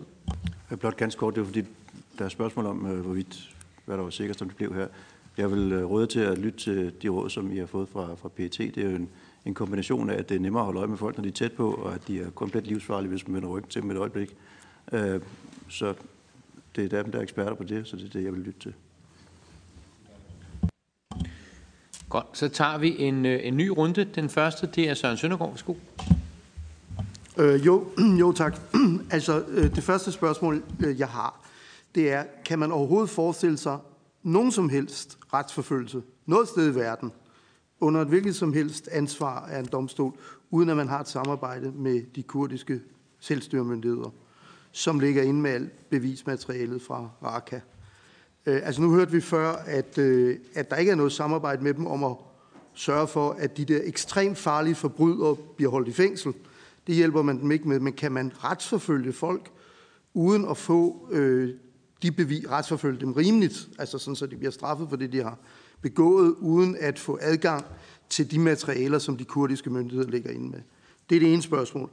Og det andet spørgsmål, det er, nu er der, altså, det er også øh, delt ud på bordene, der ligger jo en henvendelse fra øh, Syrian Democratic Council, altså øh, selvstyreadministrationen i Nordsyrien og Rojava, som faktisk tilbyder øh, at lave en lokal domstol. øh, som siger, at den er under ligesom, det er jo foregår under syrisk lov, øh, fordi det er den franske lov, der gælder. Øh, og selve loven er der sikkert ikke noget galt med. Det er sikkert den måde, den er blevet anvendt i Syrien, der har været problemet. Men selve loven øh, kan godt anvendes, og de vil tiltræde alle relevante internationale konventioner, hvis de får støtte til det i form af eksperter osv., der kan også sikre retsgarantier og den slags ting. Er det overhovedet en mulighed, man kan arbejde videre med? Tak, og så er det Inger Støjberg. Værsgo. Ja, tak. Øh, det er mest øh, sådan helt opklarende øh, til Henning Fuglsang omkring spørgsmålet om at kunne, om man så må sige, sætte uret i stå. Øh, Det lyder jo interessant, men, men vil man, hvad er det, der skal til, for at man ligesom kan sætte uret i stå? Øh, hvilke type sager er det? Altså vil man i princippet kunne gøre det i alle sager, hvor folk bare er rejst til et, et land meget langt øh, væk? Øh, og og altså vil man kunne gøre det i de uendelige, altså indtil gernings, den formodede gerningsmand er, er død, øh, simpelthen. Altså hvad er, det, hvad er selve grundlaget for det? Helt bogstaveligt ville det vel kræve en ændring af lov om tidens bestemmelse, men, øh, men ellers så vil det være forældelsesbestemmelser. Ikke? Men så er det Eva Flyvholm. Jamen, uh, tusind tak til jer begge to for, for indlæggene. Det er virkelig et spørgsmål til dig, øh, Henning. Nu listede du de her forskellige muligheder, der jo også er for at øh, retsforfølge folk for terrorisme osv., de her forskellige ting. Øhm, kan du sige lidt mere om muligheden for, altså frem til fald man får etableret et ordentligt samarbejde med myndighederne, også i de kurdiske områder, og faktisk kan få det også mit indtryk, at de har øh, erobret faktisk ret godt øh, bevismateriale, som islamisk stat selv har, øh, har holdt registre over og ligger inde med, med, med nogle ting der. Hvad så muligheden for også at retsforfølge folk for altså, de forbrydelser, de har begået, altså drab, voldtægt, øh, og hvordan med for eksempel bestemmelserne for, i forhold til tortur, som der jo også er, øh, så vidt jeg ved, en længere, øh, altså, som heller ikke bliver forældet på samme måde. Hvordan kan man bruge det? Øh, kan du ikke sige lidt mere om det, for det synes jeg også er relevant, at man kan dømme folk for det. Jo, så tager vi, øh, så tager vi svar. Øh, Henning, vil du være den første? Værsgo. Hvis vi starter med spørgsmålet om, hvorvidt vi kan strafforfølge uden at få adgang til beviserne, så er svaret selvfølgelig, at øh, man skal aldrig sige aldrig, fordi vi kan måske skaffe beviser i andre veje. Men det er jo klart, at når vi står nede i retten, jamen, så skal vi jo bevise, at den enkelte har gjort det, vi nu tiltaler dem for. Så hvis vi tiltaler dem for at have begået fire drab i det nordlige Syrien, så skal vi jo redegøre for tid, sted og fremgangsmåde osv. Og det er jo lige nemmere, når vi har haft nogle politifolk ned og lave noget så banalt som en gerningsstedsundersøgelse og finde nogle vidner. Og det er det, der er vores praktiske problem i dag. Så vi kan ikke løfte bevisbyrden, uden vi får adgang. I realiteten kan vi ikke løfte bevisbyrden, uden vi får adgang. Og derfor så er samarbejdet med kurderne selvfølgelig oplagt vigtigt. Øhm, ligesom der er i den øvrige del af Syrien, i det omfang, vi har statsborgere, der måtte have været aktive der. Om man kan lave på baggrund af det, der nu er delt ud her, det tør jeg ikke begynde at kaste ud i gallerier på, men det er jo oplagt, at vi er tilbage ved det her med, at der er en, der skal tage en forhold. Der skal være nogen, der melder sig frivilligt til at sige, vi tager den her med at lave den domstol. Og så er det jo et spørgsmål om penge, og det er et spørgsmål om politisk velvilje at etablere det retsgrundlag og etablere den sikkerhed, der skal gælde omkring den her domstol. Øh, så hvis at man kan få et samarbejde op at stå, og der er nogen, der vil tage en forhold på det, så kan vi jo gå i gang, og så må man jo i gang med at arbejde på det. Hvis man har en illusion om, at det så derfra så er noget, vi sådan lige har klaret i morgen tidlig, så kan man jo overveje, hvor lang tid det tog at hente det sidste barn ud fra en af flygtningelejrene, hvor det var måneders arbejde, før vi bare hentede et eneste lille bitte barn ud fra en lejr. Det at bevæge sig rundt dernede, det er forbundet med fare, det vil det også være for eksempelvis danske politifolk. Øhm, spørgsmålet om at sætte uret i stå, som at der rummer rigtig, rigtig mange interessante tanker, i alle mulige andre sammenhænge også. Øhm, vi har mulighed for at afbryde forældelsen, som at der er den tekniske betegnelse for det, blandt andet ved, at vi får sigtet folk. Men for at vi kan sigte folk, så kræver det, at vi kan fortælle dem, at nu er du altså mistænkt, og, og mistænkt med en sådan styrke, så vi faktisk mener, at du nok er ansvarlig. Og derfor så går vi nu målrettet efter at bevise din skyld. Så det kræver, at vi kan tale med dem. Og når de sidder nede i de her lejre, så kan vi ikke tale med dem. Vi har forskellige andre muligheder for at afbryde forældelsen. Vi kan gennemføre nogle forskellige tvangsindgreb. I det, I det øjeblik, vi sætter aflytning på, eller laver en hemmelig rensagning hos nogen, så er det også nok til, at vi kan afbryde forældelsen, hvor det jo i gode grunde ikke giver så meget mening, hvis vi skal flage det for dem på forhånd. Øh, og der er også en bestemmelse om, at hvis man undgår strafforfølgning ved, at man opholder sig i udlandet, så regnes det heller ikke med. Øh, så vidt jeg husker, har den været brugt en enkelt gang, hvor vi havde en, der havde handlet øh, våben i strid med FN's øh, våbenembargo mod Sydafrika under apartheidstyret. Og, øh, og da han kommer hjem, der, må, der siger man så, at den tid, han gemte sig i Sydafrika, den talte altså ikke med. Øh, men man kan jo ikke rigtig meningsfyldt sige, at man undgår strafforfølgning ved, at man gemmer sig i udlandet, hvis man sidder i en lejr, hvor man ikke har mulighed for at smutte fra, fordi der står nogle vagter med gevær, som der vil skyde ind, hvis man smutter. Og, og derfor så vil det være min umiddelbare opfattelse, at den tid, man sidder i de her lejre, der er tiden altså ikke sat i stå, der arbejder tiden for dem. Øh, så er det rigtigt, at der er en hel stribe andre bestemmelser, som at der jo også kunne bringes i anvendelse. Det var en kort liste her. Du nævnte selv nogle af dem, men sådan noget som for eksempel hvidvask er jo også en oplagt bestemmelse at overveje, om den kunne bringes i anvendelse.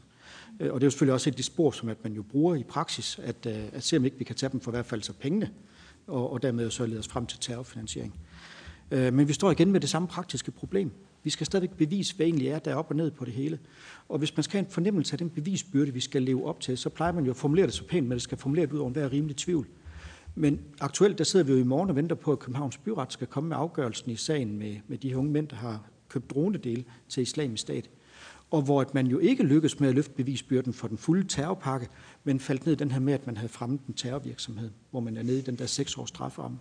Og hvordan straffen så måtte blive udmålt, det hører vi jo så om i morgen. Men det er jo en sag, der er foregået i Danmark, og hvor gerningsmændene har siddet i Danmark med PET på nakken af dem, med, med alle muligheder for, at vi kan bruge aflytning og rensagning og, og så videre, og så videre, og så videre. Og selv der kan vi ikke engang løfte bevisbyrden for, at det er terror, når man leverer dronedele til, til islamisk stat. Så det her, det er altså ikke noget, vi sådan bare lige vupti får klart, uanset at vi har mange bestemmelser i straffeloven.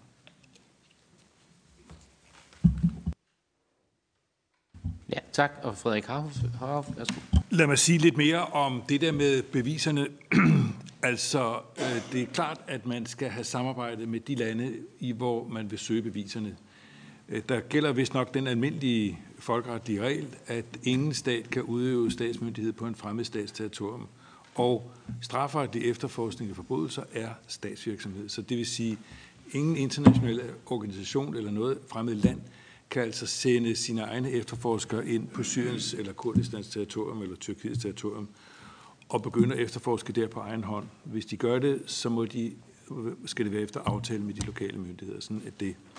Og, øh, og fra min egen erfaring kan jeg sige, at hver eneste gang vi sendte efterforskere ind til Bosnien og Kroatien og Serbien øh, i sin tid, der havde vi altid en, en håndfuld øh, lokale politifolk i røven på vores efterforskningshold, som uanset hvad det var, vi foretog os derude, øh, så var de jo med og kiggede over skulderen, og øh, hvad er det nu, de laver? Ikke? Så, så det kræver et samarbejde, det er helt oplagt, og, og man kan, vi kan altså ikke bare sende vores egen folk ind. Beviser er kernesagen i straffesager. Der er beviser samlet hos de kurdiske myndigheder og hos de syriske myndigheder, og skal man ikke glemme, der er en lang række NGO'er, der har været rigtig, rigtig flittige med at indsamle beviser. Og jeg ved, at man fra Udenrigsministeriets side har støttet to af disse NGO'er økonomisk for at øh, betale for, at de kunne gå rundt og foretage øh, indsamling af beviser. Så der ligger allerede et kæmpe materiale. Der var også ham der, Cæsar, eller hvad det var, han hed. Sådan en, kan I huske ham øh, for nogle år siden, en, en syrisk øh, fængselsbetjent, som havde taget billeder af den måde, som fangerne var blevet behandlet på i de, i de syriske fængsler. Altså hans tusindvis af billeder og mange andre billeder og dokumenter er allerede indsamlet og befinder sig forskellige steder, hvor vi kan få fat i dem. Men det er igen et kæmpe materiale, der skal gås igennem med, med tættekammer. Og, og som dommer har jeg været med til alt for mange gange at afvise et optagelse af bevis, som blev præsenteret, præsenteret for os i retten, med den begrundelse, at der var ikke redegjort for, hvor øh, stammer dokumentet fra. Er det overhovedet autentisk? Hvem har taget det? Under hvilke omstændigheder? Hvornår? Hvor? Og hvis ikke der er klarhed om, hvad det eneste stykke papir, der skal fremlægges som bevis i retten, så bliver det så afvist. Sorry. Sådan er det. Så det er et, et stort arbejde at få lavet det her, ikke? og det er også så vil jeg sige noget om sikkerheden for den der domstol. Øh, og altså, jeg kan godt forstå, at der ikke er ret mange af de lande, der ligger omkring, altså i nærområdet, der er helt vilde for at oprette sådan en domstol, fordi det kræver en kæmpe sikkerhedsforanstaltning. Hvis der skal internationale dommer ind, så skal deres boliger beskyttes, og deres telefoner skal beskyttes, og de skal have private skorte frem og tilbage mellem domstolen og deres boliger, og hele bygningen skal sikres, og Øh, fængslet skal sikres, at der skal være øh, præster og alle mulige tolke og EDB-folk. De skal også sikres. Så det er altså en, øh, det er et stort apparat at etablere sådan en domstol, fordi sikkerhedsomstændighederne og sikkerhedskravene er så store. Det koster penge. Så kunne man så sige, her kunne de vestlige magter, Rusland og USA og andre, gå ind og sige, vi vil gerne finansiere det her. Det vil nok hjælpe lidt på, på interessen hos de pågældende lande om at så få oprettet. Men, men den beredvillighed har vi ikke set endnu. Og til sidst til Henning vil jeg sige, det der med at få afskaffet de internationale domstole, altså grunden til, at man ikke bare kan lukke dem, når den sidste sag er hørt, er jo, at der hen ad vejen er der truffet kendelser om vidnebeskyttelse, og der kan være spørgsmål om benådninger, det vil sige, du kan ikke bare lukke ned og at rejse hjem. Du er nødt til at have nogle myndigheder, der fortsat kan tage stilling til, om vidnebeskyttelsen skal ophæves, om den skal skærpes eller lempes, og hvad med benådninger, hvad med alle de erstatningssager, der kommer ud af det. Så der vil være øh, en periode, hvor der er, øh, altså hvor domstolen langsomt lukker ned, men du kan altså ikke bare lukke den ned. Så det, det er derfor, det. Men det er ikke urimeligt, at det tager lang tid. Så er det øh, Nasser Carter. Værsgo. Øh, tak. Øh, det er i forhold til, øh, hvem der skal retsforfølges. Altså, Islamstat har jo givet en stor hånd ved, at de har registreret medlemmer, hvor de kommer fra, øh, deres funktioner. Så endelig kunne man godt afgrænse det meget hurtigt og sige, det er jo dem, og der er sådan en bred enighed om, det er dem, man skal gå efter, og ikke alle de andre, der vil være politisk uenighed. Jeg tænker, øh, det kunne man i hvert fald tage udgangspunkt i. Og jeg opfatter det ikke som fantasi, men altså, det handler det skal, politisk vilje til at kunne gøre det. Og, og noget af det, udover sikkerhedsmæssigt, der vil det være øh, vigtigt at oprette en international krigsforbryderdomstol. Jeg tænker også i forhold til afsoning. Altså det at retsforfølge dem her, de kommer i fængslerne, og vi risikerer, at de radikaliserer de andre indsatte. Øh, jeg kunne egentlig godt tænke mig at høre dig her, øh, Frederik, i forhold til, øh, hvordan man blev enige om, hvor folk skulle afsones i forhold til den domstol, hvor du var. For det blev ikke i deres oprindelige hjemlande, men de blev jo spredt, sådan, sådan som jeg har forstået det.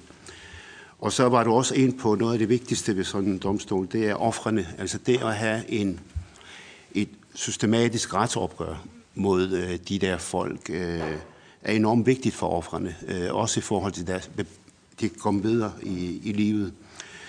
Øh, lokalt, det, ja, det behøver ikke at være i baghaven i Tyrkiet og Nordsyrien. Altså, det kan være lokalt. Altså, Kyberne er et godt eksempel, hvor øh, vi ligger meget tæt Michael var ind på, det kunne være i Nordirak, de har givet udtryk for, at det vil de gerne, øh, det er spørgsmål om prisen. Ikke? Øh, så det er, der skal politisk vilje til, og så skal man være klar til at betale de penge, øh, synes jeg.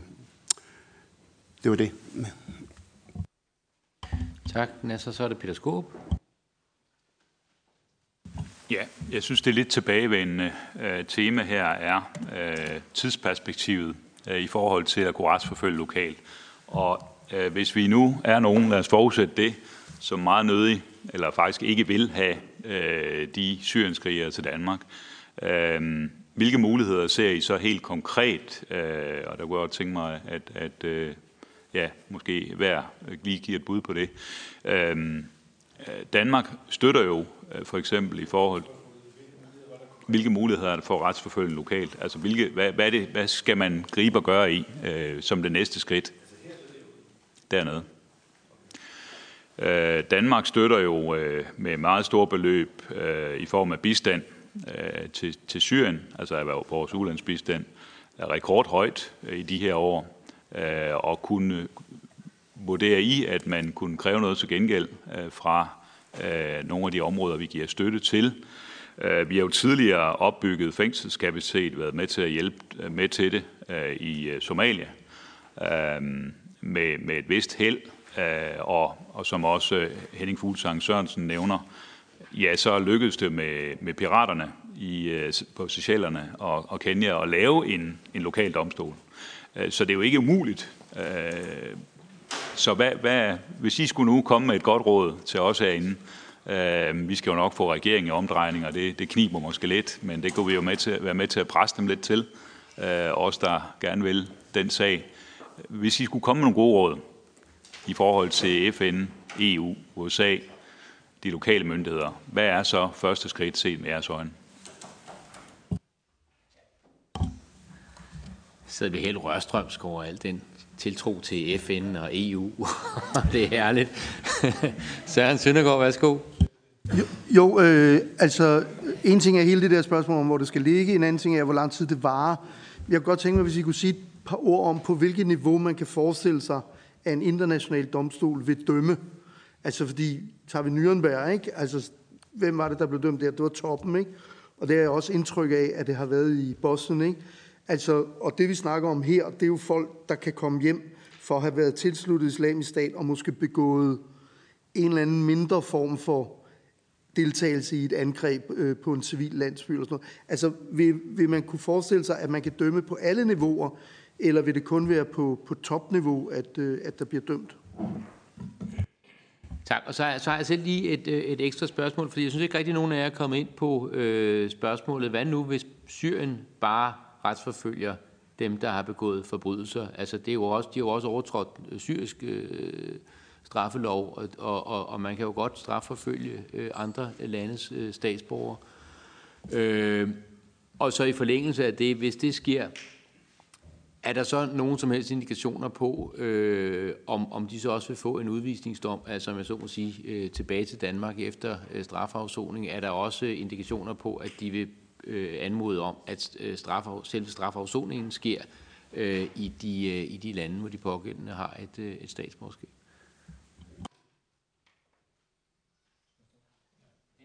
Henning starter. Værsgo. Øhm, spørgsmålet om, hvem der skal være omfattet af et tribunal, det er jo på en grund et spørgsmål om, hvilke regler aftaler man skal gælde for tribunalet. Er det kun de ledende medlemmer? Er det kun dem, der har været registreret som medlemmer? Øh, eller skal vi tage, jeg lige vil sige, revl og krat? Og der kan man jo sige, at hvis ægtefælderne til de her IS-medlemmer nu render rundt og brænder telt af for dem, der ikke følger den sande vej i en eller anden lejr, jamen så kunne jeg da godt være fristet til at mene, at så kunne ægtefælderne måske være mindst lige så interessant som den hovedmand, som vi også gerne vil komme efter. Og det binder jo lidt an til spørgsmålet om, hvad niveau man skal dømme på. Det kommer jo igen an på, hvad er det for nogle spilleregler, man aftaler? Hvad er det, der politisk er viljen? Og, og der har vi jo eksempler på, jeg næsten lige vil sige, stort set hvilket som helst, øh, meget, meget ledende som Nürnberg. Vi har også tribunaler, hvor man dømmer længere ned i rækkerne med, med sådan noget som Sandhedskommissionen efter Sydafrikas uh, sammenbrud, som det, det voldsomme eksempel, hvor man var helt ude og kigge på den enkelte politimands, eller den enkelte øh, ANC's mands uh, rolle i det her. Så igen så er det kun et spørgsmål, hvad man bliver enige om at gøre, og derfor handler det jo om, hvad er det der politiske interesse for at gøre, hvad er det der politisk vilje til at gøre. Og der kan man stille mange spørgsmål om, hvad vi kan forestille os. I bund og grund, så er det måske nok noget, der ligger lidt mere på jeres banehalvdel. Fordi hvad er det, I vurderer, der kan komme igennem rent politisk? Hvem er det, der skal tage den her forhold? Skal det være Kyberen? Skal det være øh, Syrien, der skal tage den? Øh, og hvis at der er nogen, der vil tage den, så er det fint. Og det er oplagt ved Syrien. De siger, nu har vi så meget styr på vores sikkerhed, så nu kan vi godt køre de her sager. Fint, så lad dem da endelig gå i gang. Helt sikkert. Og i det omfang, vi måtte have nogen siddende her i Danmark, som at der så gerne kunne se frem til en strafsag i Syrien for det, de har lavet dernede, så kunne jeg da være fristet til at sige, så lad os da endelig få en udleveringsanmodning, og så lad dem da komme afsted. Og, og så må vi håndtere det, hvordan vi så får dem, få dem tilbage igen, når de så måtte have afsonet. Men det er helt oplagt, at enten vi taler om kurderne, Nordsyrien, den syriske regering, jamen hvis der er nogen, der vil påtage sig den lokale strafforfølgning, så er det jo bare, at de går i gang. Men der er ikke nogen, der har gjort det endnu. Og hvis de skal i gang, så kræver det, at der kommer styr på deres lokale sikkerhed. Der har vi hørt, det er lidt udfordret. Og vi skal have nogen, der rent faktisk siger, at nu går vi i gang. Og det er et spørgsmål om politik, og der læser I jo lige så godt det politiske landskab, som vi andre kan gøre. Og det bringer os lidt til over til spørgsmålet om ulandsbistand. Fordi de modydelser, man kan stille krav om i forhold til, at man betaler penge til, til ulandsbistand, der er det jo helt oplagt, at der skal man være idiot for ikke at regne ud, at der måske er en forhandlingsbrik, man kan justere på. Og hvis at man ved at give dem nogle ekstra, ekstra ulandsbistand, bidrag med opbygning af civilsamfund, af fængselskapacitet, af retsvæsen osv., kan få nogen dernede til at sige, jamen så, så tager vi den på, og så skal vi nok hjælpe med at strafforfølge. Så kan man dog overveje, om det ikke er en meget klog anvendelse af ulandsbistanden, både for dem og for os, og hensyn til offrene osv. Men igen, så er det jo et spørgsmål om, hvad er det, der lokalt er politisk vilje til? Og den politiske vilje lokalt handler jo om magt. Og så længe vi hører med Syrien, der sådan balancerer på randen af det totale kaos stadigvæk, så har de jo rigeligt at gøre med at holde styr på deres lokale stumper. Så er det jo ikke der, der er den politiske styrke til at påtage sig den her opgave, endnu i hvert fald. Og det bringer os jo tilbage til, at uanset hvordan vi vender og drejer det, så risikerer vi jo, at her om fem minutter er der en, der lander ude i Kastrup. Og hvad stiller vi op med ham? Altså, jeg kan ikke sende ham tilbage til Syrien, fordi den syriske regering er ikke i en position, hvor de kan bede om at få ham udleveret. Jeg kan ikke sende ham til kurderne, fordi kurderne har ikke engang så meget statsmagt, så de er i stand til at skrive en udleveringsanmodning. Og selv hvis jeg endelig kunne, så det at sende dem afsted, det er ikke helt uproblematisk, fordi vi må jo heller ikke sende folk ud til torturlignende forhold. Og med de billeder, vi har set fra Syrien, så kunne det være nærliggende at overveje, hvis man var hans forsvarsadvokat, om ikke man skulle forsøge at argumentere for, at han blev udsendt til torturlignende forhold. Og så kan vi jo se, at sidst vi prøvede sådan en til Indien, der gik det jo heller ikke så fantastisk godt. Så jeg har brug for at have nogle redskaber, der gør, at jeg kan håndtere ham, der lander ude i Kastrup om fem minutter.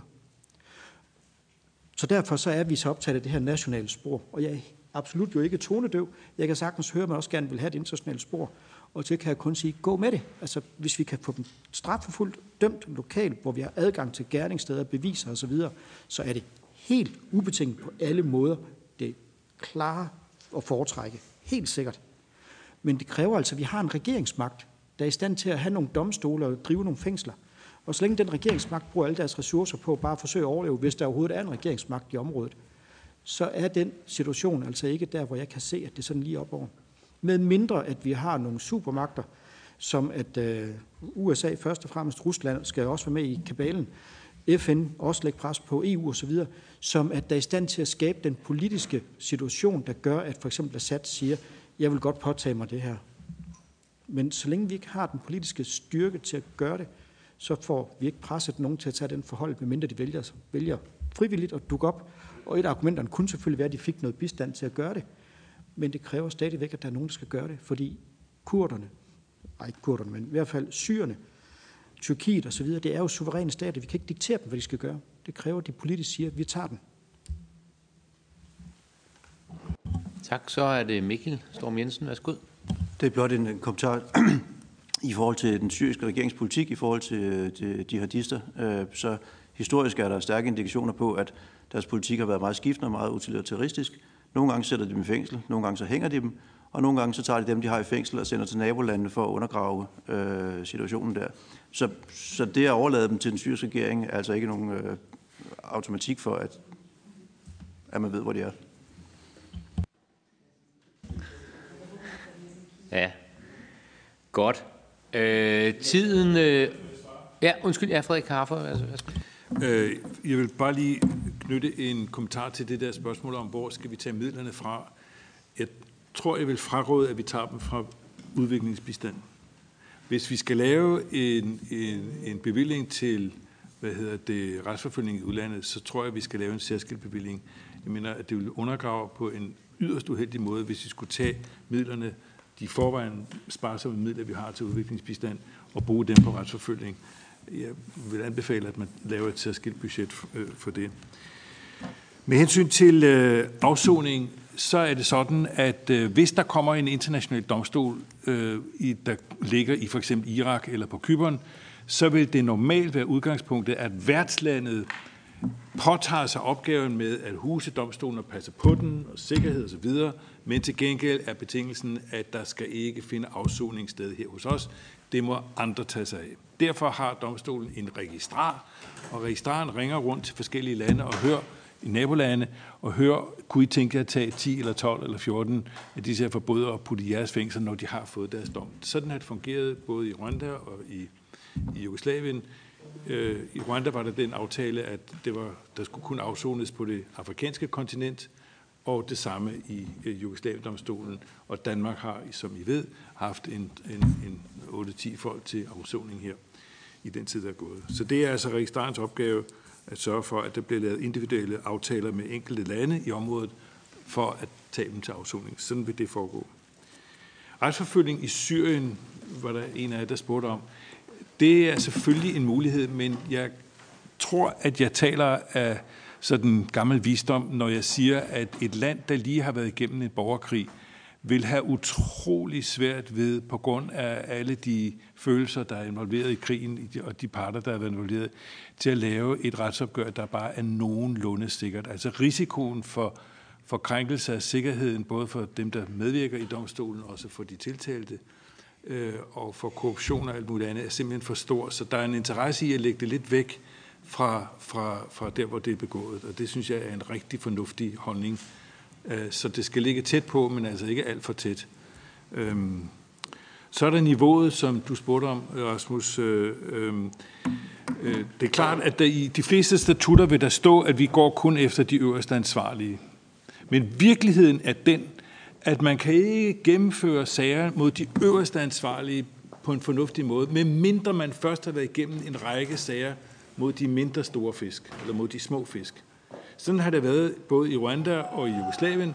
Begge domstole står med flammende skrifter. at vi går kun efter de øverste, men det viser sig meget hurtigt, at det bevismateriale, du får frem i først at starte med at retsforfølge nogle af de mindre fisk, er det, der danner grundlaget for, at du til sidst kan gå til tops og få de store sager. Så øh, der vil skulle en hel del øh, af de små fisk, øh, der skal igennem maskineriet, før en at bevisgrundlaget vil være tilstrækkeligt for at komme op på, det, på det højeste niveau. Ikke? Så det er det. Det tror jeg, jeg svarer på de spørgsmål, der var. Godt, og hvis du lige slukker øh, mikrofonen, fordi så skal vi have det øh, sidste oplæg, og vi er gået 10 minutter over tid, men fortvivl ikke, fordi vi kan tage det fra den sidste øh, afsluttende debat, så du har selvfølgelig dine 10 minutter, og der vil også være lejlighed til at stille spørgsmål til tak dig. For. Værsgo. Tak. Og tak til Retsudvalget for indbydelsen, og tak til de tre øvrige øh, oplægsholdere for nogle interessante oplæg. Jeg arbejder til dagligt med international ret og statsborgerskab ved Juridisk Institut ved Aarhus Universitet, og har de seneste år beskæftiget mig specifikt med de retlige spørgsmål, der opstår, når stater indfører regler om frakendelse af statsborgerskab som et led i terrorbekæmpelse. Og det er også det, jeg vil sige noget om i dag. Øh, det er jo en tendens, altså det at indføre frakendelsesmuligheder, som også er afspejlet i dansk ret, hvor vi i 2004 indførte en domstolsadgang til at frakende statsborgerskab, og i så igen i forrige måned vedtog Folketinget som bekendt øh, et nyt sæt regler med den effekt, at frakendelse af statsborgerskab ikke længere kræver en retsforfølgning, men derimod kan ske ved en administrativ beslutning. Der er ganske meget at sige i den her sammenhæng, men jeg vil gøre mit allerbedste for at holde mig inden for de 10 minutter. Indlægsvis så bør det nævnes, at selvom frakendelse af nationalstatus eller statsborgerskab har en ganske lang retstradition, der sådan set strækker sig helt tilbage til romeriet og det oldgræske demokrati, så er det at frakende et individ dets statsborgerskab, i hvert fald i en moderne kontekst, en yderst kontroversiel magtbeføjelse. Det er det, da statsborgerskab grundlæggende er blandt de mest afgørende faktorer for, hvilke muligheder et individ får i livet. Og det gælder både i forhold til de økonomiske og sociale muligheder, man har, men også i forhold til borgerlige og politiske rettigheder. Det er også derfor, at statsborgerskab ofte er kendt som retten til at have rettigheder. Af samme årsag så er frakendelse af statsborgerskab i flere sammenhænge blevet beskrevet som et ekstremt rettighedsindgreb. Både Oxford-professor Matthew Gibney og den amerikanske højesteret har beskrevet frakendelse af statsborgerskab som en slags civil død. Et rettighedsindgreb, der i ekstremitet faktisk kun kan matches af dødstraf. Og selvom det umiddelbart kan lyde som en bizarre sammenligning, så bør det ses som et udtryk for, at frakendelse af statsborgerskab alene i et retsteoretisk perspektiv er blandt de mest vidtgående indgreb, en stat overhovedet kan gøre i en individs rettigheder. Det er også derfor, at lande som Tyskland, Sverige og USA har en forfatningsretlig beskyttelse af statsborgerskabet, som faktisk forbyder frakendelse mod individets vilje. Samtidig så hører det jo med til historien, at frakendelse af statsborgerskab som retshandling fik en øh, noget blakket ry i den anden halvdel af 20. århundrede, i og med at øh, nazisterne frakendte tusindvis af tyske jøder deres statsborgerskab i løbet af 30'erne og 40'erne. Og det var jo netop på den baggrund, at det internationale samfund vedtog en række konventioner, som har til formål at begrænse nationalstaters mulighed for at frakende statsborgerskab og beskytte de personer, som ikke har et. De konventioner har vi jo i Danmark, ligesom de langt øh, fleste andre vestlige lande, valgt at tiltræde og lade os forpligte af, og det er altså en beslutning, øh, som jeg, så vidt jeg er orienteret, stadig er politisk opbakning til. I grundloven har vi som bekendt ikke en retsbeskyttelse af statsborgerskab. Det muliggjorde også, at de danske domstole, som sagt i 2004, fik mulighed for at frakende statsborgerskab fra kriminelle borgere, der er dømt øh, for forbrydelser efter straffelovens kapitel 12 og 13 om forbrydelser mod staten, som de to her, her øh, til min venstre har været inde på. Og per 24. oktober i år har Folketinget så vedtaget en lovændring, der muliggør administrative frakendelser af statsborgerskab. Altså frakendelser, der udelukkende hviler på myndighedernes vurdering af, om en borger er til skade for landets vitale interesser. Og som også er nævnt i både medier og i høringssvar, så giver de her øh, nye regler altså anledning til en række rimelig væsentlige betænkeligheder i forhold til Danmarks internationale forpligtelser og det gælder øh, blandt andet i forhold til artikel 7 i den europæiske menneskerettighedskonvention, der handler om, der forbyder love med tilbagevirkende kraft. Da lovændringen muliggør, at myndighederne kan frakende statsborgerskab på baggrund af handlinger, der er sket før lovens vedtagelse, så er der en betydelig risiko for, at den europæiske menneskerettighedsdomstol vil nå til den konklusion, at loven er i strid med artikel 7. Det vil dog endelig afhænge af, om domstolen finder, at øh, frakendelse af statsborgerskab er sidestillet med en straf i konventionens forstand, det vurderer regeringen ikke ifølge lovets bemærkninger, øh, at der er fare for. Men hvis vi ser nærmere på de kriterier, som domstolen normalt lægger til grund for en sådan vurdering, så er der øh, langt større sandsynlighed for, at den modsatte konklusion er det, de vil nå frem til. Øh, og der må derfor sige at være betydelig risiko for, at, øh, at de danske regler faktisk er i strid med øh, forbuddet mod tilbagevirkende kraft øh, i forhold til den europæiske menneskerettighedskonvention, artikel 7. Til sammenligning kan man nævne, at øh, den øverste forvaltningsdomstol i Nederlandene øh, for nyligt, øh, tidligere i år, øh, forholdt sig til en sag af meget lignende karakter, netop omkring frakendelse, en myndighedsafgørelse om frakendelse fra en fremmedkriger, hvor at øh, domstolen øh, fandt, at disse frakendelser var i strid med forbuddet om tilbagevirkende kraft. Dernæst er det væsentligt at knytte en kommentar til det her angivende øh, gerningsindhold for de nye regler. Det følger af bemærkningerne, at gerningsindholdet, altså personer, som er til alvorlig skade for landets vitale interesser, også kan omfatte gerninger, som ikke er omfattet af straffelovens kapitel 12 og 13. Der er altså så tale om et nyt gerningsindhold, som er udvidet i forhold til det, vi har i straffeloven, og øh, som særligt kun gør sig gældende for de administrative frakendelser. Det er i den forbindelse meget svært at forestille sig, øh, hvad det er for nogle gerninger, som på den ene side ikke er omfattet af nogen gerningsbeskrivelse i straffeloven, men som på den anden side er så alvorlige, at de kan føre til en frakendelse af statsborgerskabet. Myndighedernes frakendelse øh, kræver dertil heller ikke et kriminelt forsæt, altså den onde vilje, som vi normalt i strafferetten kræver og øh, stiller et krav om. Og samtidig så opererer den administrative procedure øh, med en væsentlig lavere bevisstandard end den, der er anvendt ved domstolene. Og hvad det siger det med andre ord er, at myndighedernes adgang til at frakende statsborgerskab er, øh, har en, de har betydelig, myndighed har en betydelig videre øh, adgang til at frakende statsborgerskab, end det, der er tillagt vores domstol. Og det er efter min vurdering et, et brud med, med dansk retstradition. Øhm, dertil er der væsentlig øh, risiko for, at den her løse og man kan sige, udvidede definition af gerningsindholdet øh, vil udgøre en form for vilkårlig retsanvendelse i strid med både statsløskonventionen, Europarådets konvention om statsborgerret samt den europæiske menneskerettighedskonvention.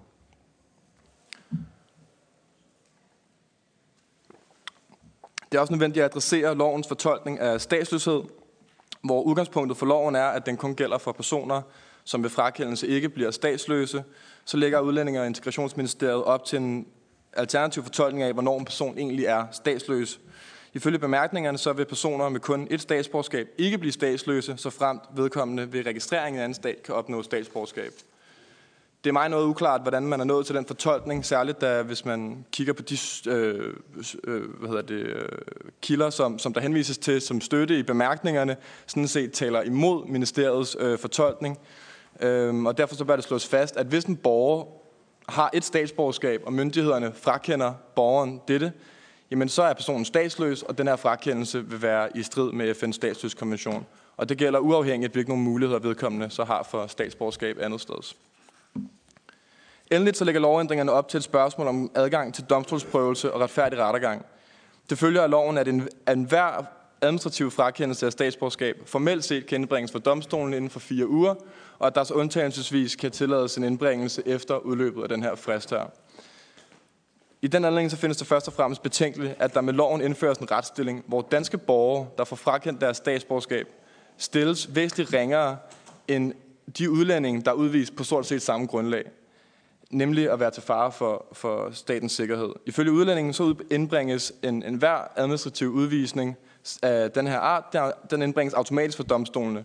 Danske borgere er således stillet dårligere end udlændingen øh, på, på, øh, ved udvisning på samme baggrund, selvom det retligt set jo være, må sige at være noget mere indgribende at miste sit statsborgerskab end sin opholdstilladelse.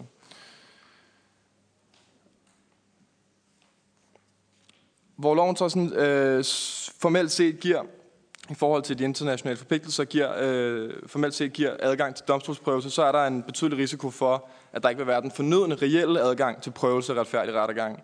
Selvom det at få meddelelse i en e-boks eller i statstiderne formelt set er nok til at forkynde en beslutning om frakendelse, så kan man jo godt stille spørgsmålstegn ved, hvor sandsynligt det er, at personer, som eksempelvis opholder sig i en krigszone eller øh, i en fangelejr, øh, tjekker deres e-boks eller statstidene jævnligt, og dermed bliver forkyndt deres nye retsstilling. På samme måde er det tvivlsomt, at loven giver den fornødende adgang til agtindsigt og kontradiktionsret, eftersom at pågældende kan have meget svært ved at deltage i sin egen rettergang, hvilket jo efter kommissionerne også er en rettighed.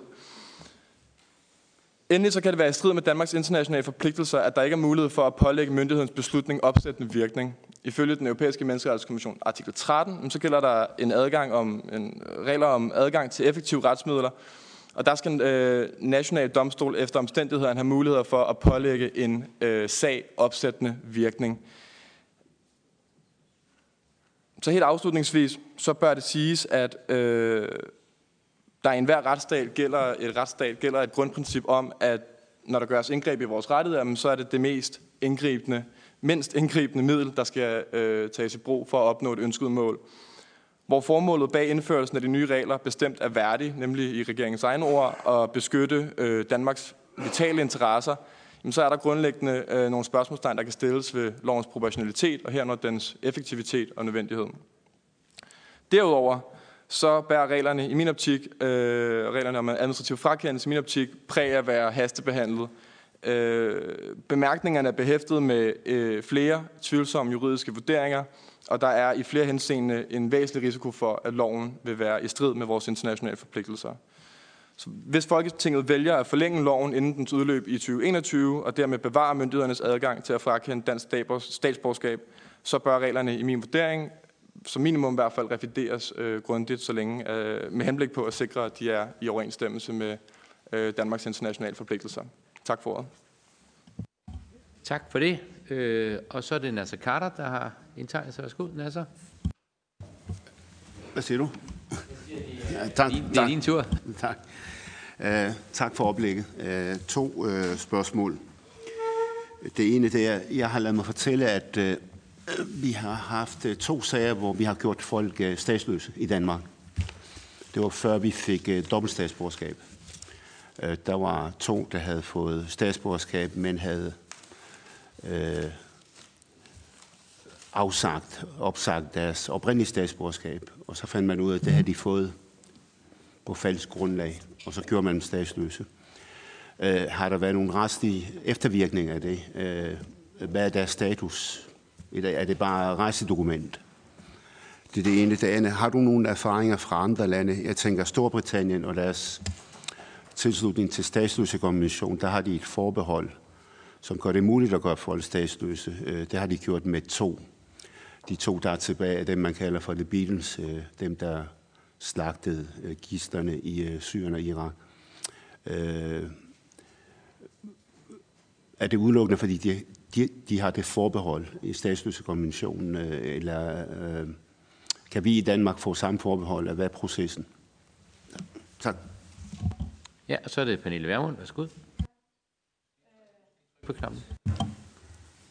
Et øh, konkret spørgsmål til statsløsekonventionen, for den nævner jo i, den nævner sådan ret eksplicit, at den ikke gælder for personer, som man har alvorlig grund til at antage, og så står der, har begået en forbrydelse mod freden, en krigsforbrydelse eller en forbrydelse mod menneskeheden.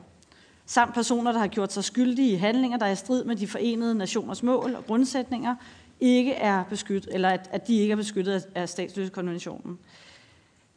Altså, og der står til og med, som man har alvorlig grund til at formode, når det står eksplicit i statsløsekonventionen, hvordan kan statsløsekonventionen så gælde for IS-terrorister, som man nu ikke vil tage statsborgerskabet fra, fordi de kun har et, men gælde for IS-terrorister, som man vil tage, statsløse, eller tage statsborgerskabet fra, når de er to.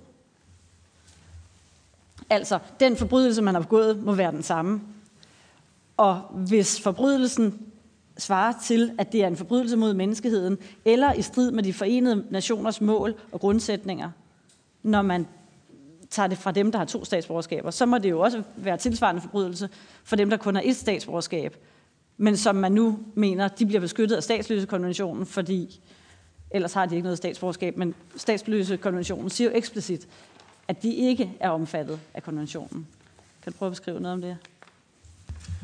Øh, nu træffer jeg lige en, øh, en formandsbeslutning, fordi øh, spørgelysten er, øh, er, er, er rigtig stor, og jeg kan godt regne ud, at det vil sige, at vi når ikke øh, den afsluttende runde, så jeg synes, vi skal simpelthen kombinere dem. Så hvis nogen sidder og brænder inde med, øh, med, med yderligere spørgsmål, også til de tidligere oplægsholdere, så øh, lad dem komme nu.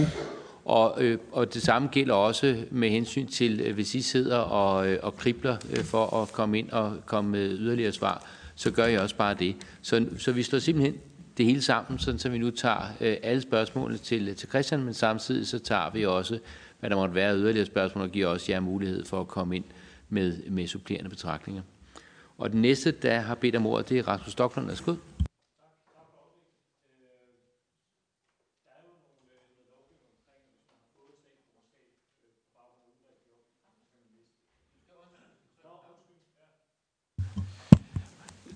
Hvis man har fået statsborgerskab i Danmark på baggrund af urigtige oplysninger, så kan man miste det.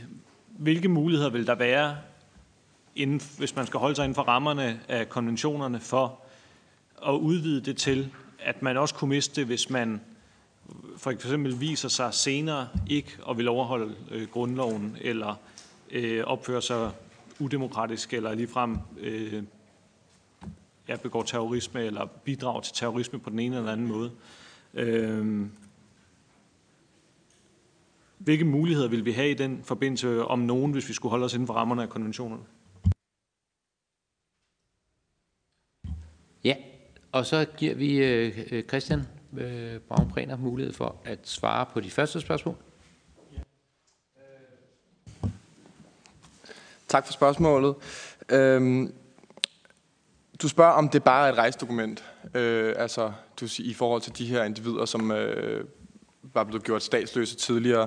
Og til svaret, øh, svaret dertil er, at, at nej, det er det ikke. Det er ikke blot et, rej, et, ret, et rejsedokument. Det er jo dit pas, sådan set. Det er jo øh, adskillelser fra, fra øh, dit statsborgerskab. Og, ja? Mikrofon. Tryk lige på knappen, altså, ellers kan seeren ja. ikke følge med. Og de fik for, frataget dansk statsborgerskab og pas, og så, stod, så var de statsløse. Ja, det forstår jeg. Blev det så erstattet med rejsedokument? Altså, når du bliver kørt statsløs, får du så rejsedokument? Det, ja, okay. Jeg forstår et spørgsmål. Øh, det kan jeg ikke svare på. Øh, jeg, jeg er ikke bekendt med, hvilke nogle øh, dokumenter de fik udleveret efter frakendelse af deres statsborgerskab. Jeg, heller, jeg tror heller ikke, at myndighederne var bekendt med, at de blev gjort statsløse. Skal jeg bare gå videre? Eller? Ja. Øh, spørgsmål nummer to omkring øh, øh, englændernes eller Storbritanniens øh, retsforbehold i forhold til øh, statsløskonventionen fra 1961, så er det sådan, at øh, da man lavede konventionen, så lavede man en åbning for, for ligesom at tillægge folk til at være med til at forpligte sig til den, så lavede man en åbning for, at hvis man havde lovgivning på daværende tidspunkt omkring frakendelse af statsborgerskab, som kunne udløse øh, statsløshed, så kunne man øh, hvad hedder det, tage forbehold for den specifikke artikel i øh, konventionen. Og det er så det, som øh, englænderne påstår, at de gjorde. Det gjorde de sådan set også. Det, der så gør øh, britternes øh, situation en lille smule øh, tvivlsom i dag, er, at de i mellemtiden fra 2002 af og frem havde nogle regler, som rent faktisk opfyldt øh, øh, konventionen i sin helhed. Og dermed så kan man spørge sig selv, om det her gamle forbehold så kan efter 2014, hvor de lavede deres seneste øh, øh, lovændring, om det så kan øh, sættes hvad kan man sige, ind igen. Og øh, det mener øh, britterne, øh, det er der øh, flere vurderinger, der mener, at man ikke kan. Og til øh, fru Vermund, øh, det, spørgsmål, det, det spørgsmål går på, om, om øh, øh dækker øh, personer, som efter øh, konventionen øh, formodes at være øh, krigsforbrydere. Øh, jeg er ikke bekendt med den specifikke øh, øh, øh, linje der, men, men, men, men, jeg er, øh, men det er vigtigt at, at sondre imellem, om vedkommende er mistænkt, eller om de er dømt for det, og i så fald, hvis der er en formodning om, hvilken, øh, på hvilket bevisgrundlag der så er den formodning. Og så spørger du eksplicit omkring øh, den her, øh, du, ja, du spørger, om der kan være en eksplicit afgrænsning over for de her individer. Øh, det er der i min optik ikke, øh, vil der ikke være. Jeg vil være den oversky, alt overskyggende udgangspunkt vil være, at så snart man har et statsborgerskab, og man er frakendt det, øh, og man ikke betragtes som en statsborger under nogen national øh, under noget nationalstats øh, øh, lovgivning, jamen så betragtes man som, som udgangspunkt som statsløs i kommissionens øje med. Tak, og så Frederik Harhoff har også øh, et svar til de spørgsmål, vi har haft. Ja, værsgo. Øhm, øh, om det, det engelske forbehold vil jeg bare sige, at de, ved indgåelsen af traktater er det jo sådan, at man ved indgåelsen kan tage et forbehold, hvis forbeholdet ikke overskrider rammerne eller formålet med traktaten. Det er en ting, man gør i forbindelse med, med indgåelsen af traktaten. Hvis man bagefter ønsker, at nu vil vi, efter at have været medlem af den her konvention i et antal år, gerne vil have et forbehold, det kan man ikke, og det skal man heller ikke kunne. Det man så skal i stedet for, det er så at rejse forslag om genforhandling af traktaten. Det kan man gøre. Ikke sådan? Men du kan ikke komme bagefter og sige, åh, nu vil jeg gerne have et forbehold. Forbehold er noget, du tager, inden du indgår det. Når du har indgået traktaten, hvis du så er utilfreds med det, den måde, det fungerer på, så kan du bede om en genforhandling eller Øh, øh, helt eller delvis af traktaten. Sådan skal det jo være. Og med hensyn til øh, Pernille Vermunds spørgsmål øh, om, hvorfor der er forskel på at tage, forske, at tage statsborgerskabet fra en person, hvis vedkommende har to statsborgerskaber, i sammenligning med kun har en. Det er jo det helt simple, som misforstået. Undskyld spørgsmålet gik helt, og det bekymrer mig i virkeligheden lidt, du ikke kender det.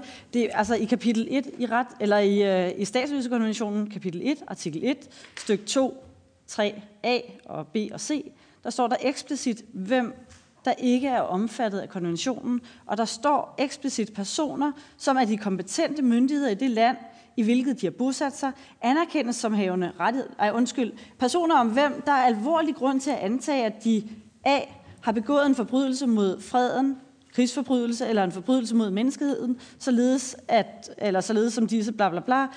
Altså, det står fuldstændig eksplicit, at hvis Danmark formoder, at de har begået de her forbrydelser, så gælder konventionen ikke for de mennesker. Og derfor siger jeg, det er, jo det, det er jo den type mennesker, vi sidder med her.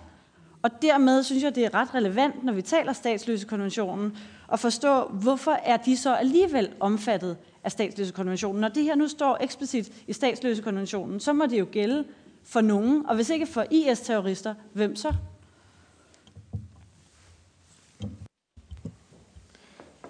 Ja, øh, det var Frederik, der var ved at sige noget, ikke? Ja. Jeg skal lige se på bestemmelsen i artikel 1 og i artikel 8. Men, men altså, så jeg synes, det er dumt at kaste os ud i et eller andet juridisk slagsmål om det her, uden at vi har på det rene, hvad det er, vi snakker om. Ja, men altså, lad os lige få det undersøgt, og vi kan jo også, har jo også muligheden for at stille nogle skriftlige spørgsmål øh, efterfølgende. Altså, som jeg lige umiddelbart øh, tænker det, så er det at i forskel på at, og, øh, at tilkende statsborgerskab og, øh, fratage øh, statsborgerskab, hvor vi jo netop har de her muligheder, som også er grunden, hele baggrunden for, at vi har lavet de her bestemmelser, man kan frakende øh, folk øh, statsborgerskab, hvis de har overtrådt kapitel 12 og 13 straffeloven, men jo ikke i, øh, i, i så mange andre tilfælde. Men øh, nu er der indtil til flere andre spørgsmål. Undskyld, Rasmus fik ikke svar. Tak. Jeg vil blot lige følge op på dit spørgsmål lynhurtigt. Øh, hvis det er paragraf 1, du taler om, så drejer den altså, altså om øh, at få statsborgerskab og ikke miste det. Øh, i anden, i, i, i, hvad hedder det, det andet, der, der er værd at sige det, det er, at, at der jo også er, udover at statslønskonventionen øh, har nogle konkrete paragrafer, så har Danmark jo også vedkendt sig, at vi ikke vil producere statsløshed. Og der er jo et øh, FN mål om at øh, eradikere statsløshed, hvilket det jo direkte vil være øh, i modstand til, og hvis vi begyndte at, at lave frakendelse af personer med et statsborgerskab. Det er min klare vurdering, øh, at øh, frakendelse af borgere med et statsborgerskab vil være i strid med interna- Danmarks internationale forpligtelser. Når det så er sagt, så er jeg enig med Frederik i, at de juridiske teknikaliteter er svært at diskutere her i åben høring. I forhold til øh, Rasmus Stocklunds spørgsmål omkring, øh, at der er visse muligheder for, at man kan miste statsborgerskab på baggrund af, at man har opgivet øh, urigtige oplysninger i optagelsen af statsborgerskab, så er det sådan rent juridisk, rent teknisk, så, så anser man det faktisk i de sager, hvor der er afgivet urigtige oplysninger, som et, øh, hvad kan man sige, et statsborgerskab, der bliver annulleret, og et statsborgerskab, som aldrig rigtig har eksisteret, fordi der ikke var det fornødne grundlag til at få det i første omgang. Så derfor så, fra, så rent juridisk så adskiller man lidt imellem de sager om urigtige oplysninger, og de sager, hvor der har været en adfærd, som er så grundlæggende øh, til fare for landets øh, sikkerhed, at man øh, den retfærdiggør en frakendelse. Og det er der jo så øh, en, en række undtagelser til international ret, både i statslønskonventionen fra 61, som vi taler om her, men også i forhold til Europarådets øh, konvention om statsborgerret i artikel 7. Og, og, og der hedder den øh, helt specifikke øh, øh, øh, hvad kan man sige, undtagelse, at der skal være tale om handlinger, som er til alvorlig skade for landets vitale interesser, altså fuldstændig lignende den, som er blevet benyttet i øh, lovforslaget om, undskyld, lovændringen om øh, frakendelse af statsborgerskab. Jeg håber, det var svar på spørgsmålet. Godt. Så har vi nu et kvarter tilbage, og vi har øh, fire indtegnede spørgere, og så tager vi øh, øh, besvarelsen af spørgsmålene øh, samlet. Og, øh, og det vil sige, både spørgere og øh, jer, der svarer, må gerne prøve at tænke over og fatte sig så kort, som det nu er muligt. Og den første indtegnede, det er Marie Grav. Værsgo. Tak. Altså, jeg tror ikke, der er nogen tvivl om, at den øh, folkelige vrede, der er imod, at øh, vi skal tage øh, eller der er nogen, der mener, at vi er forpligtet til at tage jihadister tilbage til Danmark. Det skyldes, at folk ikke opfatter dem som danske, fordi øh, mange af dem er enten øh, folk, der har fået statsborgerskab i deres egen levetid, eller de anden generations indvandrere, de gamle danskere. Så derfor er mit spørgsmål øh, til jer, er der mulighed for, at man øh, laver en forskel på, om man øh, har et medfødt statsborgerskab, eller man har et tildelt statsborgerskab? Og er der nogle steder i verden, hvor man øh, praktiserer øh, en forskel øh, over for folk, som har begået øh, voldsomme forbrydelser? Fordi vi, vi har jo øh, stillet forslag om, at man skal få, når man får statsborgerskab, så skal det altid tildeles betinget, fordi så vil vi jo ikke stå med den her, det her problem i dag. Øh, men, men er der nogen, der i praksis altså øh, stiller folk anderledes, når de har et øh, tildelt statsborgerskab og ikke et medfødt? Tak. Så er det Peter Skåb. Værsgo. Tak for det. Og tak for indlægget. Øhm, et, en af udfordringerne, hvis man skulle forestille sig, at øh, hele verden ville være begejstret for en øh, statsløse konvention, det er jo, at, øh, at det er forholdsvis få lande, der, der har undertegnet den. Øh, eksempelvis Tyrkiet, som jo er meget relevant her, er slet ikke omfattet. Det, det er meget få lande, der er omfattet. Og det vil kunne jeg godt lige høre, øh, tænke mig at høre jeres vurdering af. Er, det, er, er I enige i, at det, det er en af udfordringerne, når vi snakker om de her ting, at øh, det er jo en meget lidt udbredt øh, konvention, øh, hvis man endelig skulle ønske sig øh, landene omfattet af konventioner, og øh, man øh, har så fortolkning, der øh, Øh, forsøger at for eksempel, for eksempel fortælle England, der er trådt ind på et andet grundlag, at øh, der må de så ikke have lov til at benytte sig af det grundlag. Altså, det kan jo i høj grad øh, decimere legitimiteten øh, af, af konventioner, når der foregår sådan noget. I forhold til øh, diskussionen om enkelt skråstreg dobbelt statsborgerskab, så har vi haft den oplevelse i retsudvalget, at det har været umuligt at få regeringen til at fortælle, hvor mange af de øh, fremmedkrigere, vi har i området, der henholdsvis har, kun har det danske, øh, og hvor mange der har et dobbeltstatsborgerskab. Hvis man er inde på flygtningebaggrund, så vil man jo typisk fra nogle af de lande, man er kommet fra, have sit gamle statsborgerskab, men man kan jo ikke få det ud af, af det land, man er kommet fra oprindeligt. Så der vil være mange af dem, der har dobbelt statsborgerskab øh, som konsekvens af det. Øh, men vi kan altså ikke få, få besked. Øh, kan, kan nogen øh, hjælpe med, hvorfor kan det være, at vi ikke kan få den besked? Øh, mangler der registrering, øh, eller er det simpelthen politisk uvilje, der ligger bag ved det fra regeringens side? Øh, og så endelig i forhold til Schengen-registret, øh, hvilke muligheder ser Øh, panelet for at kunne bruge det i forhold til at nægte indrejse? Det er jo sådan, at man kan markere i Schengen-registret, hvis der er personer, man ikke ønsker ind i et land. Øh, og det er jo en, sådan set en gammel lov, øh, som man kunne tage i anvendelse. Ja.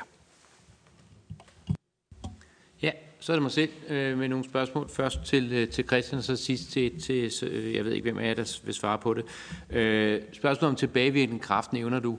Øh, altså, det er jo ikke muligheden øh, for at få frataget sit statsborgerskab, der var ny. Det var jo alene processen, øh, der var ny. Altså, straffeloven siger jo, at, man kan, at, at, at hvis man bliver dømt for noget, så er det den straf, som øh, er gældende på påkendelsestidspunktet, der øh, skal tages i anvendelse, medmindre det er en strengere straf end den, der galt dengang man begik forbrydelsen. Men straffen, hvis vi kalder fratagelse af statsborgerskab en straf, er jo ikke anderledes. Det er jo alene processen, altså rent processuelle, øh, hvor det nu er en administrativ afgørelse med efterfølgende øh, domstolskontrol. Så der tror jeg altså, jeg er, er, er ret uenig med dig i det, du nævnte. Så nævnte du også spørgsmålet om, øh, om forkyndelse, øh, hvor jeg er enig i, at øh, det er jo ikke sikkert, at man sidder øh, og, og, og tjekker e-boksen på daglig basis, når man er øh, i gang med øh, at udkæmpe en hellig krig. Men det er der jo på den anden side øh, mange andre mennesker, der heller ikke gør. Og der er udtrykkeligt blevet indsat en bestemmelse om, at øh, hvis man er undskyldig årsager ikke øh, har øh, øh fået øh, læst den her forkyndelse, jamen så øh, indtræder forældelse ikke. Det må også stille spørgsmålet lidt anderledes. Og så til sidst et spørgsmål, øh, måske til alle sammen, øh, fordi det, det bliver jo nogle gange drøftet det her med fratagelse af statsborgerskab af nogen, der kun har et statsborgerskab, og, og, og, og jeg synes jo af, af, af flere grunde, at det er en, øh, et skråplan at bevæge sig ud på, men kunne godt tænke mig bare sådan at spørge til sådan den rent praktiske betydning øh, Øh, af det. Fordi det gør jo, at folk bliver øh, statsløse, men vi kan jo ikke udvise folk øh, eller sige til folk, så må de tage til statsløsestan eller statsløse lille osv. Sådan et land findes ikke.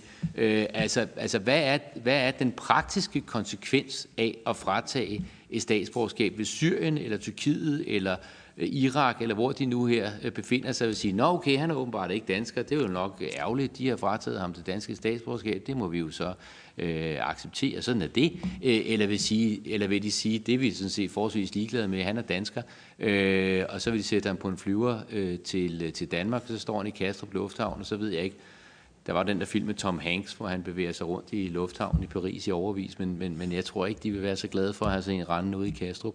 Så altså, hvad vil, hvad vil den praktiske øh, betydning være, hvis man forestillede sig, at man kunne øh, fratage øh, folks statsborgerskab, hvis kun de havde, øh, de havde et? Og så er det øh, sidste spørger, det er Pernille Vermund.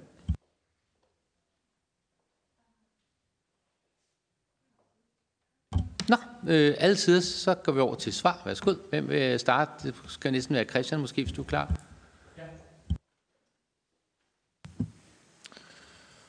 Der er mange spørgsmål at holde styr på. Øhm, til det første omkring forskellen på øh, indfødte og naturaliserede statsborgerskaber.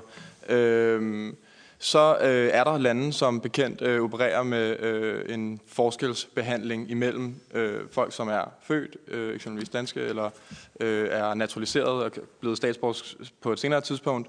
Øh, men du nævner selv problematikken i form af, at den her forskelsbehandling jo meget hurtigt kan vendes til at være en slags diskrimination, hvor en slags borger øh, behandles anderledes end en anden slags borger. Og det er en problematik, der gør sig gældende, både i forhold til øh, i forhold til indfødte statsborgere og naturaliserede statsborgere, men også i forhold til øh, statsborgere, som har et statsborgerskab, og dem, som har to. Øh, så der er øh, flere øh, hvad kan man sige, faldgrupper for at, at komme i, i, i strid med, med de internationale forpligtelser for at undgå øh, diskrimination i national lovgivning. Frankrig gør det.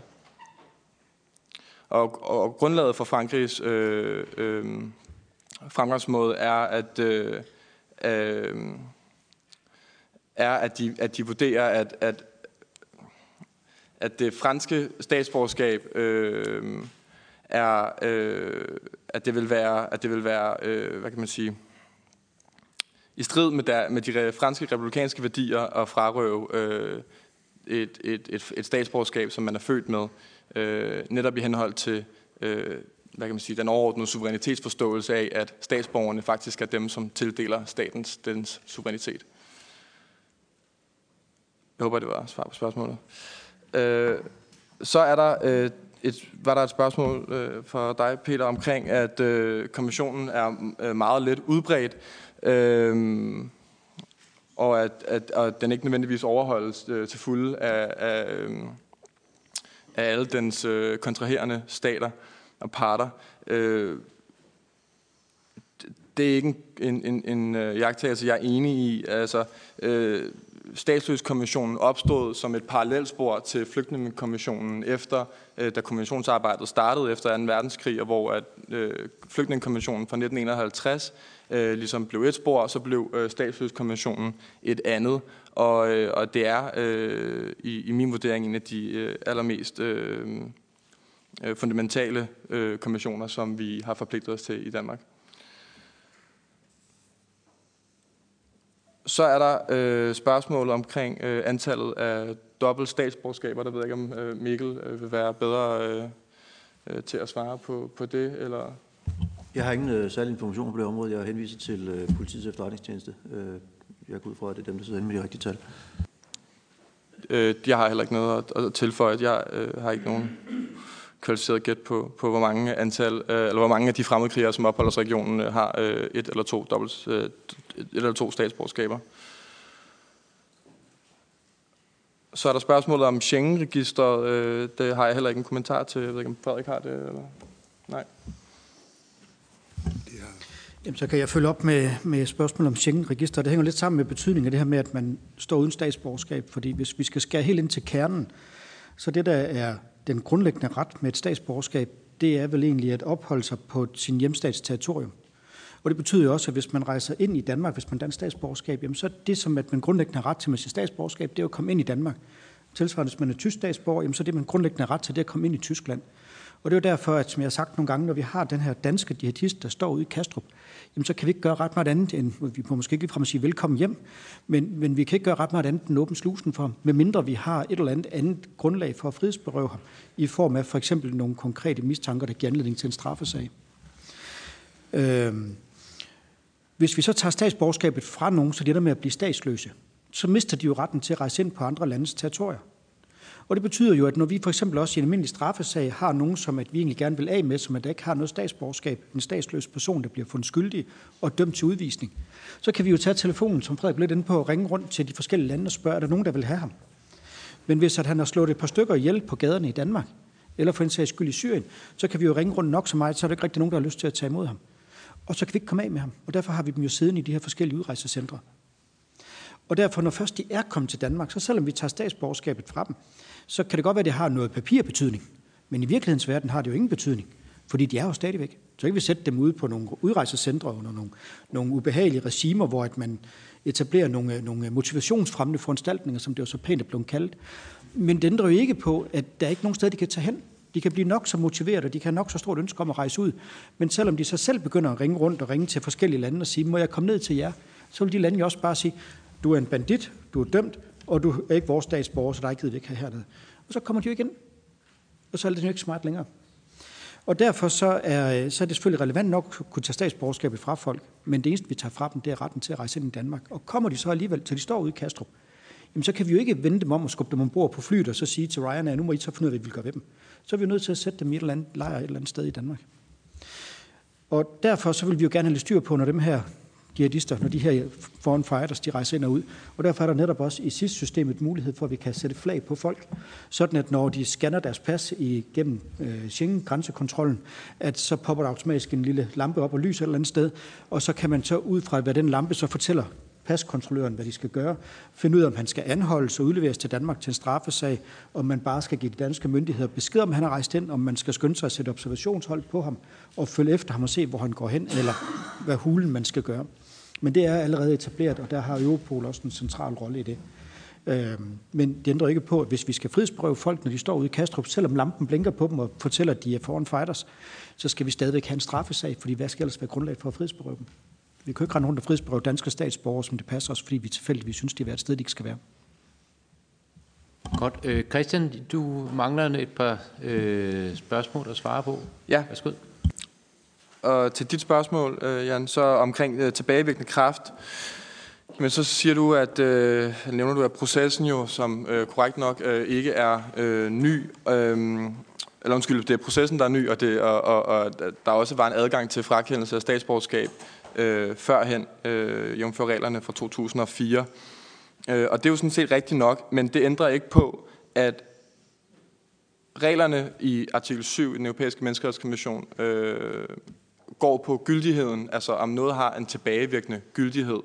Og det vil, det vil være, øh, det vil komme i strid med, det er mulighed for, at det vil komme i strid med konventionen, hvis der bliver, hvis danske borgere bliver øh, frakendt deres øh, statsborgerskab på baggrund af adfærd, som, øh, eller som, som var foretaget handlinger, som var foretaget før, at denne lov trådte i kraft. Så det går altså ikke på selve øh, gerningsbeskrivelsen, om det også var kriminaliseret øh, før. Øh, det går altså på, om hvorvidt at disse regler, som der benyttes til at frakende statsborgerskab, var gyldige på det tidspunkt, at handlingen blev foretaget. Og det, det er en, øh, øh, øh en vigtig sondring, og øh, derfor er det jo øvrigt også et godt spørgsmål. Øh, men det ændrer altså ikke på, øh, at jeg synes, det er stærkt øh, betænkeligt, at øh, loven øh, er skruet sådan sammen. Og så er der forkyndelse. Kan du repetere det spørgsmål? Beklager. Ja, vi kan også tage det under, øh, under øh, sandwichpausen. Det er nok mest en akademisk øh, diskussion. Var der nogen af jer andre, der vil... Øh, øh, ja, værsgo, Frederik Havn. Jeg har lyst til at komme med sådan en afsluttende bemærkning, der måske hæver sig lidt op over øh, det sådan mere konkrete plan, vi har snakket om endnu. Fordi jeg synes, at det, der er i virkeligheden elefanten i den her diskussion, er jo, at vi befinder os og bevæger os i en tid, hvor der er nogle kraftige forandringer i den måde, man oplever øh, rettigheder og behov på. Vi har været igennem en periode, hvor der har været fokus på individets rettigheder, øh, og hvor den, den enkelte, det enkelte individs øh, ukrænkelighed har været sakrosant, der har været det bærende for det meste af det, vi har lavet. Og den udvikling er vi altså på en eller anden måde på vej væk fra. Nu er vi mere ude i noget med, at det skal altså være flertallets behov, der skal være øh, det afgørende for, og så kan det komme måske øh, lidt i konflikt med de der individuelle rettigheder. Men jeg oplever hele den her diskussion som en diskussion, fordi der er en, en, en bevægelse, et stridsfelt mellem de meget individuelt orienterede måder, vi har været vant til at se vores liv på, og så det mere kollektivt orienterede, som er det, vi er på vej hen i. Det er udmærket, det kan man ikke øh, kritisere. Sådan er det, sådan det er den vej, det går. Der, hvor jeg synes, at det bliver interessant, det er at lige præcis en af de stridspunkter, der er imellem den, øh, mellem de to måder at se livet på, det er i præcis i forhold til konventionerne. Fordi konventionerne er jo aftaler mellem lande om nogle fælles grundlæggende spilleregler. Der er ikke så meget hokus pokus i de der konventioner, når det kommer til stykket. Når man kigger efter, så er det jo i virkeligheden ganske grundlæggende rimelige regler, der bliver nedfældet i konventionerne. Og i forhold til statsløsekonventionen, så er det jo, altså hold nu op, det er noget råd at have folk, der ikke hører til nogen steder. Se bare på øh, situationen i, i, i hvad hedder det, Myanmar og, og, og Malaysia med de der rohingyaer. Altså, det er jo allerede helt tilbage i 30'erne, hvor vi havde Nansen-passet og sådan øh, forsøg på at regulere de der folk og give dem en eller anden form for mulighed for at rejse rundt og for at etablere sig. Men det er noget råd, ganske enkelt. Hvis ikke der er en forbindelse mellem et hvert individ og så et eller andet land. Og derfor er statsløshed noget, som vi på en eller anden måde vil undgå, og det synes jeg er rimeligt.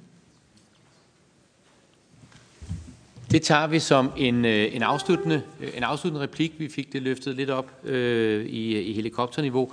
Tusind, tusind tak øh, til jer alle sammen. Tiden er ved at være gået, øh, men rigtig mange tak for de virkelig øh, gode, interessante, spændende spørgsmål, men jo altså først og fremmest tak til jer øh, oplægsholdere, som øh, har bibragt os en, en masse øh, indsigt, og tror jeg måske ikke skabt sådan fuldstændig klarhed over, hvad gør vi så nu, men i hvert fald øh, har skabt en mere uklarhed, øh, eller mere klarhed over, hvor, øh, hvor, hvor vi er uklare.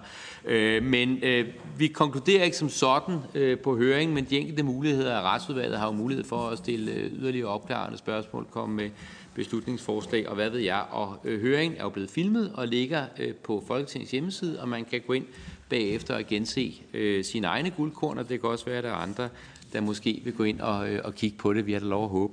Nu er der en sandwich ude foran øh, lokalet, og der kan vi jo også fortsætte øh, debatten forhåbentlig lidt mere øh, uformelt, så jeg har kun tilbage at sige øh, tusind tak for i dag. Tak fordi I tog jer tid til at komme. Øh, tak til alle for en rigtig spændende, interessant, lærerig øh,